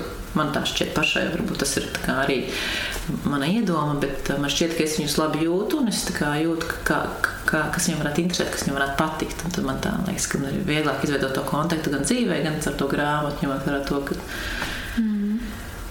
Mm. Tā. Cik grūti par labajām īpašībām runāt, tas nav tev tur tā sliktās. Tas rullis, ar ko sāksim? Nē, tu ļoti, ļoti jauki par sevi pastāstīji. Man bija prieks klausīties. Ir jā, jāmāk sevi paslavēt un saredzēt tās labās lietas. Un kā darba intervijā? Kā darba intervijā? uh, šis ir ļoti interesants jautājums. Uh, vai ir darbi, kurus raksti tikai atvilknē? Kas, ko tu zini, jā, šo pierakstīšu, bet nu, nu, nē, nekad tas netiks publicēts. Jā, nu, es rakstu dienas grāmatu, tad tā ir noteikti tāda atvilknes štelīte. Cerams, ka to neviens neizvilks. Tāpēc, ka tur ir tā ļoti, ļoti atklāti. Es domāju, ka, tāpēc, ka tas ir tā ļoti personiski un tā mm, varbūt pat neinteresanti, man liekas. Tas ir kaut kāds tāds tāds, tāds iekš, iekšējais, tāds, kas, kas diez vai kādam ir interesanti, izņemot to pašu, kurš par sevi raksta. Mm. nu, ja vien, jā. Nu, ja vien es nekļūšu par atrastu kādu diža, diža sena rakstnieka dienas grāmatu, tad droši vien mēs ļoti kāri visi to izlasītu. Un droši vien, ka arī tavu dienas grāmatu. Bet es man nepatīk. Es esmu lasījis kaut kādas vēstules um, ra rakstnieku un tādas, nu, tādas personīgas. Man nav patikusi tā sajūta, ka liekas, ka tu kā tajā spožajā viņa, vai tajā, mm, tajā tēlā, kas ir uzbūrts ar viņa darbiem, ieraugi to. To patiesībā to vājo personu. Jā. Tas ir tik nepatīkami. Es īstenībā to piekrītu. Jā. Man arī ir tāda sajūta bijusi. Tāda tā kā vilšanās. Jā. Mm. Es biju arī bija brīnišķīgi izstāde Mākslas muzejā. Uh, un tur bija vēstules un uh, romāns Suta un viņam sieva. Un tad es vienkārši lasīju un ieraudzīju to pāri ar tādu, tādu negāciju prizmu kaut kādā ziņā, cik grūti viņam bija tā kopdzīve, tā radošo divu personību un, un cik viņš varbūt noniecināja atkal tās beļķovas to mākslu. Un, un kaut kā, kaut kā tā, es, es tik sakriņķējos, es izgāju no tās izstādes, kaut kas nebūtu to zinājis vispār. nu, tā tas tā. Jā, mēs ieraugām, ka tie cilvēki patiesībā ir tādi paši cilvēki kā mēs, ar visām vājībām, Jā. ar visām sliktajām īpašībām, un tad darba spožums kaut kā aizmirstas, pazūd. Tu minēji, ka tu daudz lasi, bet nevienu konkrētu autoru neesi minējusi. Varbūt ir kāds, tomēr, ko tu gribētu pieminēt, kā dzēnieks vai rakstnieks, kas tev ir īpaši mīļš un tuvs. Un tāds pats, pats, pats mīļākais, laikam, man ir uh, Kurts Vannegūts. Mm -hmm. mm, tas man kaut kā ir tā gājis. Uh, cauri. Tad es tieši kaut kad pavisam, pavisam nesen arī tādu apjukusi jauno grāmatu klāstā vienkārši atnācu mājās un, un paņēmu un vēlreiz izlasīju viņa darbus. Man ļoti patīk lasīt vēlreiz mm. grāmatas. Tiešām patīk atkārtot, lasīt un katru reizi kaut ko kaut ko jaunu um, izlasīt. Um, es laikam tā, manuprāt, tā nav vērts saukt pēc tādas. Pēc tā kā tādā bibliotekā iet cauri grāmatu, tām mugur, mugur, muguriņām un, un saukt vārdus, bet, bet man pēdējā laikā ļoti patīk garīgā literatūra. Es lasu Richardu Roru uh, un uh, smeļos tur visādas foršas atklāsmes. Mm, tad uh, arī tāds interesants um, rakstnieks, Japāņu. Es paņemšu. Es izlasu pareizi. Pats Masuno rakstnieks ir mm -hmm. Uh, Zen, The Art of Simple Living. Nu, tā ir man tā kā tāda. Mm, kā tāda baigta foršā tāda rokas grāmata, ko atšķirt un, un, un, un no rīta izlasīt kādas pāris lapas puses, lai uzlabotu savu dienu. Jo, jo tur tiešām tik, tik ārkārtīgi forši tie padomi. Tieši tai garīgai labsajūtai, kā sevi noskaņot tādai forša, foršam dienas iesākumam un, un, un tādam iedvesmojušam cēlienam, ir tiešām tur vērts pašķirstīt un palasīt, ka patiesībā viss visforšais un jaukais ir tāds uh, vienkāršais un, un, un tās, tās visas mūsu vajadzības, nemitīgās mūs var iedzīt tādā baigi lielā postā. Tāpēc mm. tur jāšķiro, kas patiesi mums ir vajadzīgs un kas ir tāds atkal laikmeta iezīmes. Mm. Skaisti, paldies, ka padalījies. Acis visu laiku, visu laiku skatījās uz šo grāmatu, tad, kad mēs runājām. jā, jā, tas tieši, spīdēja tieši saulītē. Jā, tie vārdi, tas vārds zen. Es, tu minēji, kur tu Vandegūtu, es tā mēģināju tagad tā padomāt, kas no kur tu Vandegūtu ir tavās grāmatās, būtu tā ironija, tur brīžiem tāda. man ļoti patīk, vislabāk man no kur tu Vandegūtu patīk grāmata Māte nakts Mm. Un, laikam, es nevarētu nekad izspēlēt to, to sižetu, to, to visu, kā viņš viņu savērš un kā viņš pārsteidz to lasītāju. Tiešām, nu, Tā, tā, tā, jā, man patīk jā, viņa valoda. Patīk. Žēl, ka, protams, viņš ir tulkots. Un, un es esmu mēģinājis arī lasīt angļu valodā. Jāatzīst, nav vienkārši. Viņš ļoti, ļoti daudz spēlējās ar, ar politiku, ar vēsturi. Ar, viņam ir vārdu spēles un ļoti daudz kas paslīd garām. Bet, eh, jā, viņš ļoti, ļoti interesants, manuprāt, arī kā personība ir. Mm -hmm. Tāds saudabīgs. Tad, kad es tevi uzrunāju šai, šai sarunai, nu, teikt, intervijai, mājas darbam, tu biji ļoti pieticīga un, un teici, ka tu nejūties uh, tāda teici, kompetenta vai pilntiesīga runāt par šīm tēmām. Tu vairāk sevi sauktu par tādu iesācēju rakstīšanā, bet tomēr tev ir četras grāmatas. Es noteikti esmu iesācējis. Ar ko atšķiras iesācējs no profesionāļa? No... Es domāju, ka 4 vai 40 ir tā atšķirība. Vai tev ir 4 grāmatas, vai tev ir 40 grāmatas? Tikai skaits. Oh, nu, protams, ka tas izklausās tā. mm, jā, nu, es nezinu, varbūt arī izglītība ir tas, kas man liekas, ka man nav tās izglītības. Nesmu pabeigusi kādas rakstniecības studijas un, un, un varbūt tā, tā ir tā, tā kā nepārliecinātības tā puse, kas man liekas, kas man tur tā skandina, ka, ka tu jau tur neesi, tas tā nav tava profesija. Mm -hmm. Bet, um, jā, Bet ir forši justies iesācējiem. Tur visu laiku kaut ko kļūdīties un neizdarīt līdz galam pareizi. Pārāk nenosūtīs. Man liekas, ka es gribētu teikt, ka izglītībai vispār nav nekādas nozīmes. Man liekas, ka vissvarīgākais ir eh, pašam sev pieņemt un, un atzīt, es esmu rakstnieks un viss. Jā, varbūt ar laiku. Es domāju, ka es tā varēšu tā pilnīgi tā. Nu, jau paliek vieglāk, bet es domāju, ka gan jau ar laiku ka tā tiešām būs. Ka, ka, jo man sākumā likās, varbūt es esmu vienas grāmatas rakstniece, bet tad nē, tad uztapa vēl viena, tur vēl viena. Un tagad audio stāstu uztapuši, vai nu labi, jā, nē, nu neesmu vienas grāmatas. Nu, varbūt tad, tad redz, nu, tā kā es tā skatos, kā tas viss virzās, jo, jo to nekad nevar zināt. Varbūt tiešām tas ir tiešām sākums uz 40 grāmatām, varbūt tās būs man tikai 5. Nu, To nevar zināt, manuprāt. Mm. No radošiem, darb, nevien, radošiem darbiem, manuprāt, tā vienkārši ir, ka to nevar zināt. Mm. -hmm. Jā. Nu, skaidrs, Agnēs, es tev teikšu lielu paldies eh, par izturību. Paldies par izturību arī klausītājiem. es šaubos, ka kāds ir palicis līdz beigām. Sveiciens visiem diviem. Sveiciens. Nē, nu, es apsolīju kaut kādu balvu. Pašās beigās. Ja, š, ja tu šo esi noklausījies galam, lūdzu uzraksti man vai Agnesei. Jā, autogrāfs garantēts. Lieliski. Jā, es domāju, ka tie, kas noklausījās līdz galam, ir tikai ieguvēji un, un ļoti daudz laba doma. Un, un tas pats galvenais, kas, kas ir šajā, ko, ka, ko es paņemu no šīs sarunas, ir tā, tas gaišums tevī.